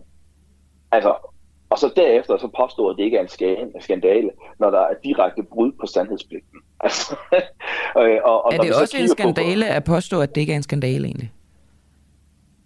Øh, mm, ach, det bliver sådan noget semantik. Altså, jeg, jeg, jeg, jeg, er langt, jeg er langt mere bekymret over, at at, at vi har en, en regering og en statsmagt, som, som, som på den her måde er, er, er ligeglade og ikke vil tage, ansvar for de her ting. Altså, øh, jeg, er, jeg, jeg er meget bekymret over den håndtering, der skete dengang. Øh, altså, øh, at man vidste, øh, at Kåre Mølbak reelt set vidste, at Kloster 5 havde været udvidet sandsynligvis siden øh, september øh, måned, men alligevel går ud og, og siger det, fordi det bliver til politik. Øh, jeg, jeg er meget, meget bekymret over, at, at, øh, at, at man bruger den undersøgelse, som SSI lavede, som var så ringe. Jeg er meget, meget bekymret over, at man, jeg synes, det er en skandale, at man ikke rådførte sig med andre eksperter dengang. Har du altså, sympati med, at tingene skulle gå hurtigt? Øh, nej, nej, ikke så hurtigt, og det er også det, min kommissionen den, den redegør for, at der, der er ikke nogen undskyldning, at kunne gå hurtigt, for at man ikke får lovgivning på plads. Altså, så havde det heller ikke behøvet at gå hurtigt. Vi havde lavet, lavet hastelovgivning førhen i Folketinget, men vi i Folketinget bliver jo orienteret en time før at hun går ud på det pressemøde. Og vi får ikke mulighed for at stille spørgsmål. Jeg beder jo netop om at spørge, jeg spørger om der ikke øh, vi har fået en second opinion. Jeg spørger ind til, hvor, hvor, hvor, hvor mange af det her, og det viser sig jo, at det er jo øh, undersøgelse for ni personer. Det vil sige, at man går ud og dræber et helt minkerhverv på undersøgelser for ni personer, hvor det dagen efter, to dage efter, finder ud af, at man rent faktisk, øh, altså at den er uddød, at der ikke er problem med kloster 5, og det er fuldstændig overvurderet. Og det er, der, det er jo øh, den, den egentlige skandale, kan man sige, der, der starter der. Det er den måde, og på, på hvilket grundlag man, man, man sletter et helt minkerhverv. Så øh, er det selvfølgelig en skandale, at der er en ulovlig ordre. Og skandalen bliver, at hun fortsætter med den ulovlige ordre, selv da hun bliver bevidst, fordi da hun så går til øh, kan man sige, Folketinget til, at vi skal have lovgivning igennem, der fortsætter de jo med, med tempobonuserne, som de ved, der ikke er, er lovhjemmel til. Det er en skandale, og så kan vi begynde på alt det med slettet sms'er bagefter. vi kan begynde øh, det med om en... Ja, ja men det, det er fint. Øh, jeg tænker bare, at vi ikke skal over i sms'erne, fordi jeg har noget, som jeg gerne lige vil spørge dig om, inden at, øh, at vi skal lægge på. Det er det her med, at regeringen går ud og siger, at vi har begået fejl. Nu har du sådan set listet en masse fejl op her, kan man sige. Men øhm, ja, hvem er i dine... Nej, det ved jeg, det ved jeg. Men du kan også fortsætte i en uendelighed, Lars Bøjs. Jeg stopper dig lige. Men hvem er i dine øjne vi? Når regeringen siger, at vi har begået fejl, hvem er så vi? Ja, det er jo det, der er, det er, jo det, der er formål for det, eller det, der er, er spændende, fordi at øh, når det ikke er statsministeren, øh, der mener hun begået en fejl, og når Barbara Bertelsen, hendes fejl ikke er andet, end at hun lige får en, en, en advarsel, øh, så, så øh, når, når og Mink-kommissionen stærkt og, og virkelig kritiserer statsministeriet, så er det jo spændende se, hvem er det så, man, man reelt set kritiserer. Hvem synes du har begået fejl? Uh, jeg, jeg, jeg mener, at, at statsministeren burde gå af. Hun har udstedt en ulovlig ordre. Hun, da hun blev velvidende om, at, det var, at der ikke var lovhjemmel, så fortsatte hun. Jeg synes, Barbara Bertelsen, hun skulle, hun skulle fratræde. Det er hende, der har haft et embedsmæssigt overordnet ansvar. Hun går ind og, og overtager øh, den her sag og, og går ind og, og tager den væk fra, fra Fødevareministeriet, tager den over til Justits, tager den ind, og, og Statsministeriet bliver dem, der bliver styrende på det her. Øh, Mette Frederiksen burde, øh, man ved, det stod i det cover, de læste det cover, Mette Frederiksen havde ansvar for det møde, som der blev afholdt, hvor hun ikke givet folk til, tid til at læse de her ting. Så, så øh, øh, alt i alt så burde hun jo bare øh, gå af og tage ansvar for det, man gjorde. Det ved enhver person, som ikke var fuldstændig magtforkommen, vil, vil sige, okay, det her, det beklager, det var en meget, meget voldsom fejl. Vi skulle spå, hvad konsekvenserne er for de mennesker, som har fået deres erhverv ødelagt, hvad konsekvensen er for dansk økonomi. Vi snakker om 20 milliarder plus måske 3-5 milliarder årligt fremadrettet med på eksport. Det er, er vanvittigt store beløb. Og indtil videre, hvad er der sket? Ja, Mogens Jensen er trådt tilbage. Han er så blevet belønnet ved at blive næstformand for Socialdemokratiet. Så er der lige ja, det må de jo selv om, kan man sige. Altså. Men, men, men synes du ikke også, hvis man sådan skal være helt ærlig, at det er en våd klud i, i ansigtet på danskerne? At, at, at, de kan jo bare lade være med at stemme på ham, kan man sige. Jo, altså, hvad de gør i partiet, det er vel op til dem selv. Det er jo, det er jo skælden mellem partiet og så regeringen, ikke? Ja, nej, jeg synes, du, jeg synes, du som, som statsminister, jeg synes, du som regeringsansvarlig har et ansvar for, at befolkningen synes, at der er en, en anden form for, for, for retsbevidsthed i samfundet. At, at man, befolkningen ikke føler, at du, bare du kommer højt nok i systemet, så kan du slippe for straf. Så kan du slippe for at blive holdt ansvarlig. Og, og, når man, og når man gør det på den måde, når man lader Barbara Berlsen slippe med en advarsel, når man lader Måns Jensen blive næstformand for Socialdemokratiet, øh, lige efter, at, at, at man, man siger, at det er ham, der er hovedansvarlig for det her, selvom det ikke var ham, der er hovedansvarlig for det, så synes jeg, at man giver en våd klud i ansigtet på danskerne. Og jeg synes, det er dårligt regeringsførelse, og jeg synes, det er dårligt af en statsminister, som på den måde ikke tager ansvar for de fejl og den skandale, som han har stået bag. Til sidst, uh, Lars Bøge, i, uh, i mit liv, der opererer jeg nogle gange med princippet better safe than sorry. Gør du også det? Uh, ja, ja, ja, det gør jeg nogle gange. Altså, jeg har også en skidt bytknap med mine børn kunne, kunne better safe than sorry være en, øh, en måde, de har handlet fra, ud fra dengang, man aflevede alle mink? Øh, nej, og, og jo, det kan overleve, fordi man sagde direkte, at man øh, øh, havde et overforsigtighedsprincip. Og det er jo et af de, øh, som jeg synes er et kan du ikke godt forstå det? skandale. Nej, jeg synes, det er en massiv skandale, at man fra politisk side går ind og lægger pres på myndighederne. Husk på, den mail, der kommer fra øh, Sundhedsministeriets departementchef Per Aarhus, altså fra, og reelt fra ministeren, som går til Søren Brostrøm, som er direktør for Sundhedsstyrelsen, hvor der går, hvor, hvor man direkte siger, før du svarer, skal du frelægge dig øh, dit, dit objektivitets- og proportionalitetsbegrebet og acceptere overforsigtighedsbegrebet. Og det er jo en direkte politisk indblanding i, hvordan myndighederne skal agere. Så jeg synes, det er måske en af de, ja, altså en af de største skandaler i skandalen, hvordan Socialdemokratiet og gik ind og lavede massiv pres på de myndigheder, øh, som vi alle sammen har behov for at kan agere neutrale. Det er også en kæmpe skandale i det her. Tak for det, Lars Bøge. Det var slet. Medlem af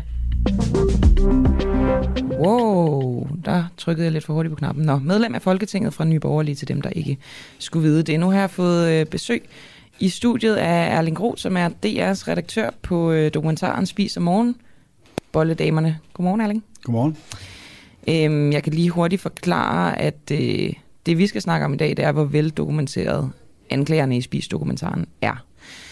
Øhm, den her DR-dokumentarserie øh, om Simon Spis, den dykker jo nærmere ned i historien om, øh, om Spis og hans forhold til meget unge piger.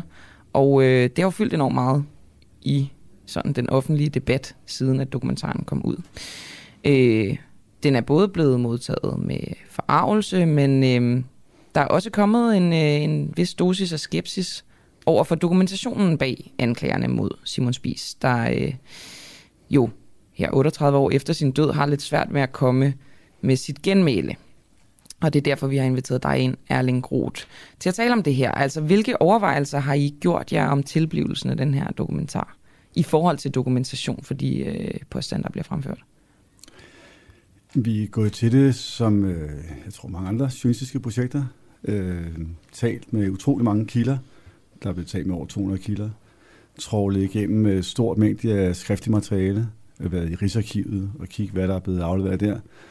Trålet øh, gamle overgange af billedbladet og ser og hør, som dækkede Simon Spies rigtig, rigtig meget dengang. Så på den måde er den rimelig traditionel journalistik, men man kan sige måske altså mere omfangsrig her, end hvis det var til en mindre historie. Der har brugt lang tid på det. Der har brugt lang tid på at krydsreferere, krydstjekke øh, kilder, putte dem ind på timeline, se Øh, fordi jo man har at gøre med erindringer, man har at gøre med mange kilder, der skal forholde sig til at fortælle om noget, der er sket for, altså som du selv siger, Simon Spies for 38 år siden.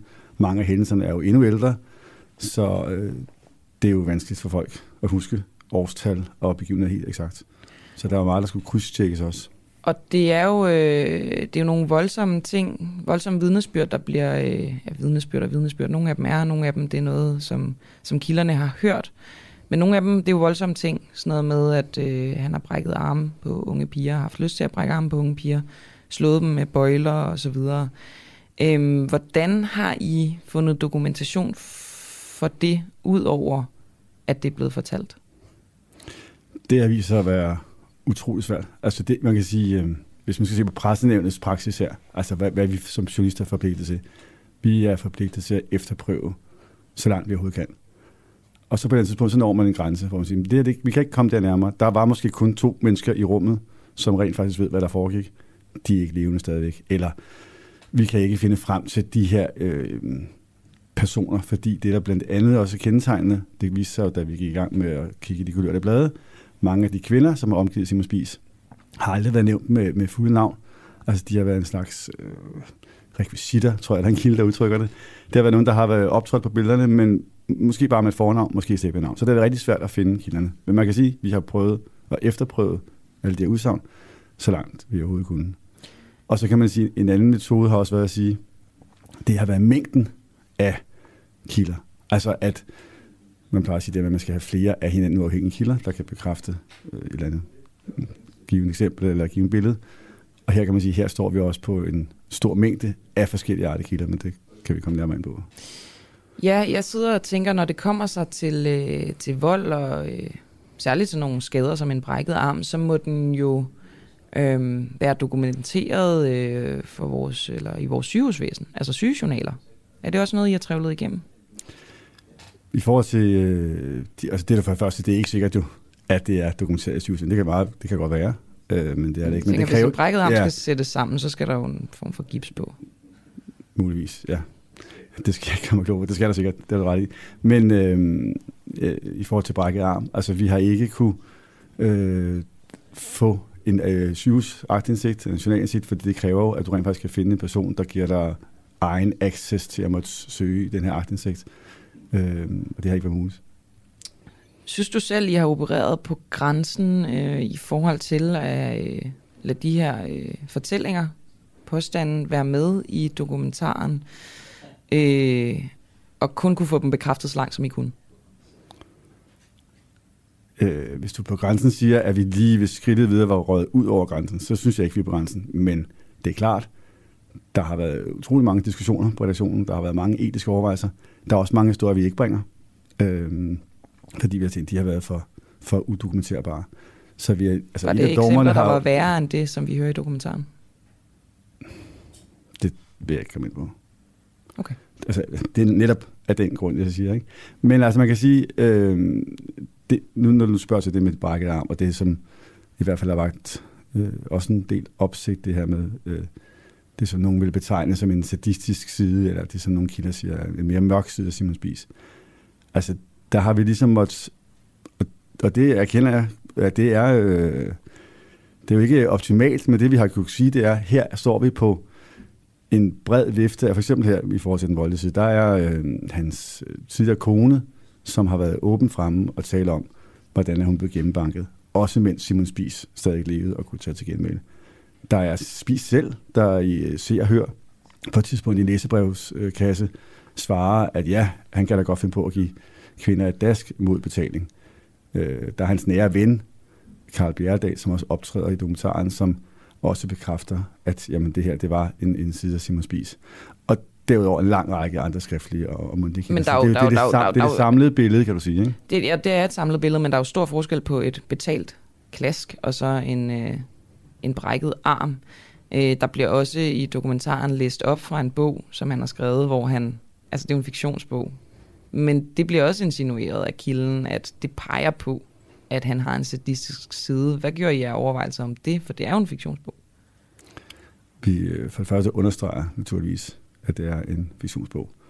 Og, og kilden, der læser det op, tager jo også det forbehold og siger, at det her... Men hvorfor så overhovedet er det med, hvis det er fiktion? Fordi at hun har så en pointe, som i øvrigt også er gengivet i, i andre øh, litterære værker. Der for eksempel er et stort portræt på om Simon Spies af Andreas Fuglsøsen, som, som også har den samme pointe, at den her fiktionsbog øh, også har øh, klare selvbiografiske træk.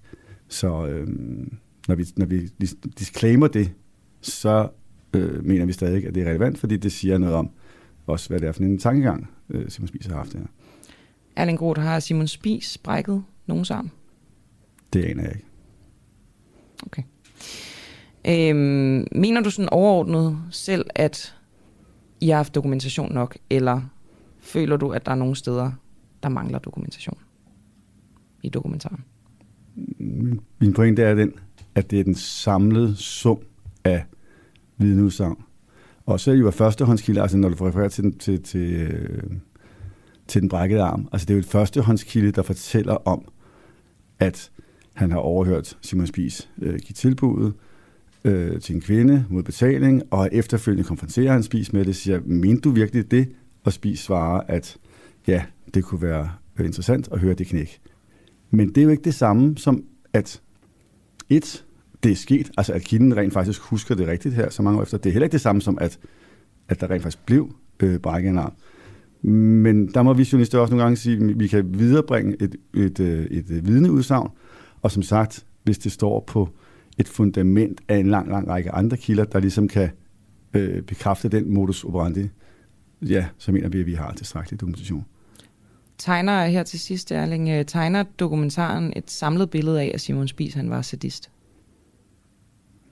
Jeg håber, at man som ser sidder tilbage med, at man har fået tegnet et mere nuanceret billede af Simon Spies, end det man havde i forvejen, og at det billede indeholder alt muligt. Det er rig forretningsmand, til hang til unge øh, kvinder, ekstravagant livsstil, og ja, også at han godt kunne lide at øh, ja, slå, eller øh, hvad man nu kan det, men statistiske træk. Ja. Tusind tak for det, Erling Roth.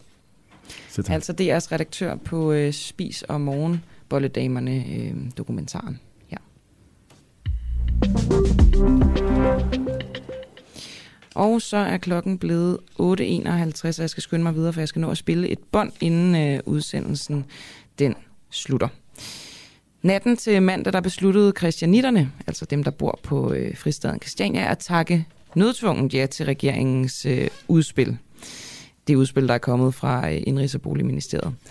Og det betyder, at der nu skal bygges øh, for 15.000 kvadratmeter almene boliger i den økonomisk pressede fristad. Og til gengæld så kan christianitterne få lov til at købe en del af Christian, Christianshavns vold og de tilhørende boliger, øh, som de for nuværende lejer dyrere af staten. Øhm, og det er altså fordi, de kan få lov til at stille en statsgaranti, og dermed kan optage de her lån, så de kan købe det. Øhm, og de får også mulighed øh, for at bygge videre på fristaden, netop på grund af de her nye lånemuligheder. Men for skuespiller og musiker Karl Bille, der er aftalen dog bestemt ikke ønskværdig. Asger Juhl han interviewede i går Karl Bille om, hvad han mener om, at der skal bygges almene boliger på Christiania.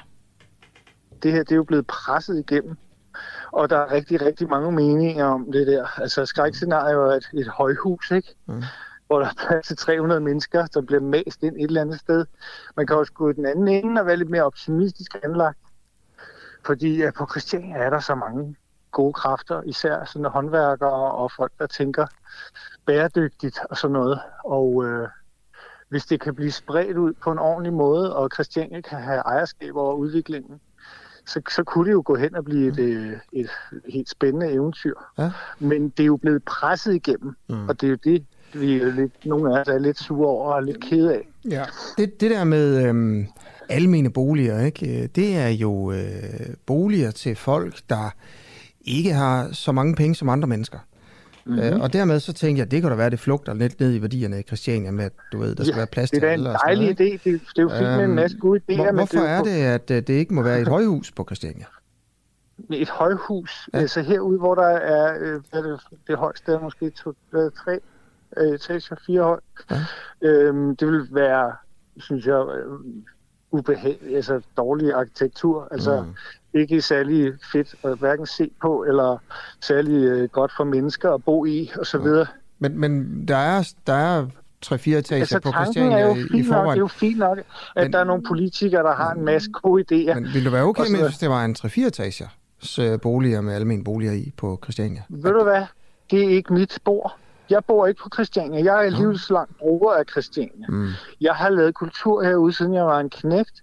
Ja. Øh, Christiania er øh, jo et sted, hvor kulturen har fået lov at leve frit, og hvor folk har kunne leve alternativt og fri fra det der kapitalistiske spekulation. Det er jo en af de store succeser ved Christiania. Der er der ingen, der ejer noget, og det er jo det, vi alle sammen er så kede af, at vi er blevet tvunget til at skulle normaliseres herude. Jeg føler, jeg, når jeg siger vi, så er det fordi, jeg føler mig som christianit, fordi mm. jeg er kommet herude så meget. Jeg har så mange venner herude, og de har alle sammen mange forskellige mm. meninger, også med det her. Mm. Der er jo ikke enighed. Vi har siddet med et møde i går, i mm. timevis, mm. med et, et forfærdeligt dilemma. Ja. Vi kan jo ikke sige nej. Altså, det vil blive... Så er det jo ligesom et roadkill. Altså, så, mm. så, så er vi ude i ja. vejgrøft med en hel masse med meget, meget dyre mm. udgifter. Og, men, men det er måske også det, jeg... Så jeg, man kunne jeg, ikke rigtig sige nej ja, til den der aftale. Nej, men, men, men alligevel har man heller ikke lyst til det, for eksempel. Hvis, hvis, men det er, også, det, det, jeg, øh, det, det er måske også lige præcis det, du snakker om nu her at øh, jeg måske gerne bare lige vil stille et spørgsmål om. Ikke? Ja, ja. Øh, og det, det, det, jeg også sådan afsøger lidt, er måske, og det jeg tror, nogen tænker, det er, om, om der er meget sådan hyggeleri på Christiania blandt sådan nogen som dig. Altså, og bare lige lade mig tale færdighed, ikke? Fordi på den ene side siger man, man vil gerne øh, mangfoldighed og øh, plads til alle, og på den anden side, så har man det enormt svært ved at lade nogen bygge almene boliger i sit område. og, og, så, og så, det er noget togsnak. Ja, og så det, det andet... Der er en hel masse det, mennesker, det, det, der prøver at leve det, et liv herude. Ja, det, det, ikke? Ja, jo. Og, og, og Christiania har bevist sit værd det, det andet... igen og igen. Ja. Vi er et rekreativt område for ja. tusinder hver dag herude. Der er, er også, så mange gode ting at sige om Christiania. Det, det, det, det er også et sted, og, hvor... Og, og der, man kan altså, ikke sige det som en eller anden homogen flok af hyggelere. Hmm. Altså, det nej, går nej. ikke. Nej, nej, det, det, det, kan man ikke. Det findes ikke. Det findes ikke. Det er netop uenigheden mellem folk, der er så stærk, at folk kan faktisk være dybt uenige til et fællesmøde, og så give hinanden krammer bagefter og sige, at vi arbejder stadigvæk for hinandens bedste, selvom vi ikke måske er enige. Selvfølgelig. Og jeg vil heller ikke slå alle over en kamp, og det må du undskylde, hvis jeg ja. gjorde. Jeg vil egentlig mere prøve at spørge, om du er en hyggelig. Altså, og, og lad mig prøve at stille et spørgsmål, der måske kunne afsløre det. Ja, kom bare. Uh, okay, hvis det er okay. Det er okay. Okay, fint. Det er det her med, med has øh, på Christiania. Du har jo lige talt om, ja. hvor, hvor godt Christiania er. Christiania er også et sted, hvor der findes noget, der hedder Pusher Street, hvor kriminelle bander mm. tjener millioner af kroner på at sælge ulovligt hash. Øh, penge, der jo også finansierer deres andre kriminelle aktiviteter, som for eksempel salg af heroin øh, til, ja. til unge mennesker og sådan noget. Ikke? Vold, der bliver begået af de her kriminelle bander, skyderier i gaderne mm. og sådan noget. Så, og de tjener simpelthen deres penge på Christiania. Øh, nogle af dem i mm. hvert fald, ikke? Øhm, og så er der mange kristianitter, der er imod det her, men alligevel finansierer dem ved at købe has på, på Pusher Street.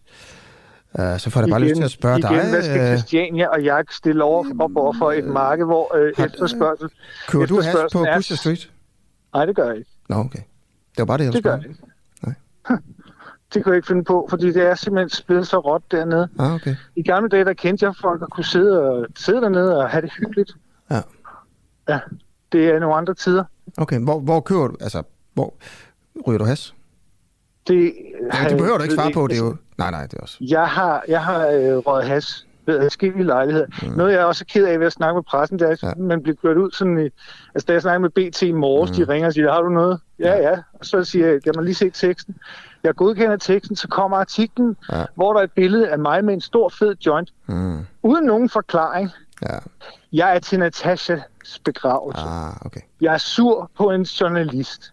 Han står og tager billeder. Vi er lige kommet ud fra begravelsen. Vi er alle sammen i chok og i sorg. Ja. Så står der en BT-journalist med et kamera op i hovedet på mig. Mm. Og så siger han, hvad føler du lige nu? Og så ja. var der flere, der blev sure over det. Fordi ja, ja. de siger, skrid okay. væk med det kamera. Okay, så tog jeg en joint, og så sagde jeg, prøv at høre. Du får ikke at vide, hvordan jeg føler. Hvad tror du, jeg vil udstille mm. min sjæl for BT, altså? Mm. Skrider jeg helvede til. Det var det, der skete med den joint. Ja. Så det var demonstrativt. Ja, okay, fair nok. Ja. Men det er jo også, det er, jo også, det er jo nok også, de gør noget, de gør, fordi de, at du Så jeg er ikke en. Jeg står totalt ved, ja. og du kan se det. Ja, jeg røg en fed til Natashas begravelse, som røg en masse fede. Selvfølgelig rører man en fed til Natashas begravelse. Hvorfor skal det hele være sådan der? Jeg det er simpelthen så tavligt. Ja, ja. Okay, jeg, er ikke, jeg er ikke nogen hyggelig overhovedet. Det er det sidste, jeg er. Og hvis jeg er, så må du gerne kalde mig på det. Jamen, det gør jeg ikke, du. Jeg vil simpelthen bare spørge. Jeg prøvede bare at spørge Nej, ind var, til nogle det var ting. overordnet. Det var overordnet, så det var ikke, ja. det var ikke personligt. Ja, ja. Jeg, jeg prøvede bare at spørge lidt ind til det, men tak for interviewet i hvert fald. ja, undskyld. Jeg bliver lidt følsom, fordi ja, ja. jeg er kommet herud helt det det er et sted, jeg elsker simpelthen så højt. Og jeg synes, der skal være plads til det, og øh, jeg synes, at Christiania skal have lov til at være øh, ledende på den der udvikling, hvis det skal lykkes, det der projekt, som er blevet tvunget overhovedet på os herude. Ja, altså øh, musiker og skuespiller Karl Bille her i øh, samtale om Christiania med Asger Juhl og Christianitterne har jo som sagt sagt ja til øh, den her aftale om blandt andet 15.000 kvadratmeters øh, nye anme- almene boliger ude på fristaden. Og med det, så skal det lyde sådan her. Mit navn er Camilla Boracchi. I regien har øh, Christoffer Poulsen befundet sig med producer Oliver Nubbenau. Udsendelsen var sat sammen med Christian Henriksen. Vi er tilbage i morgen.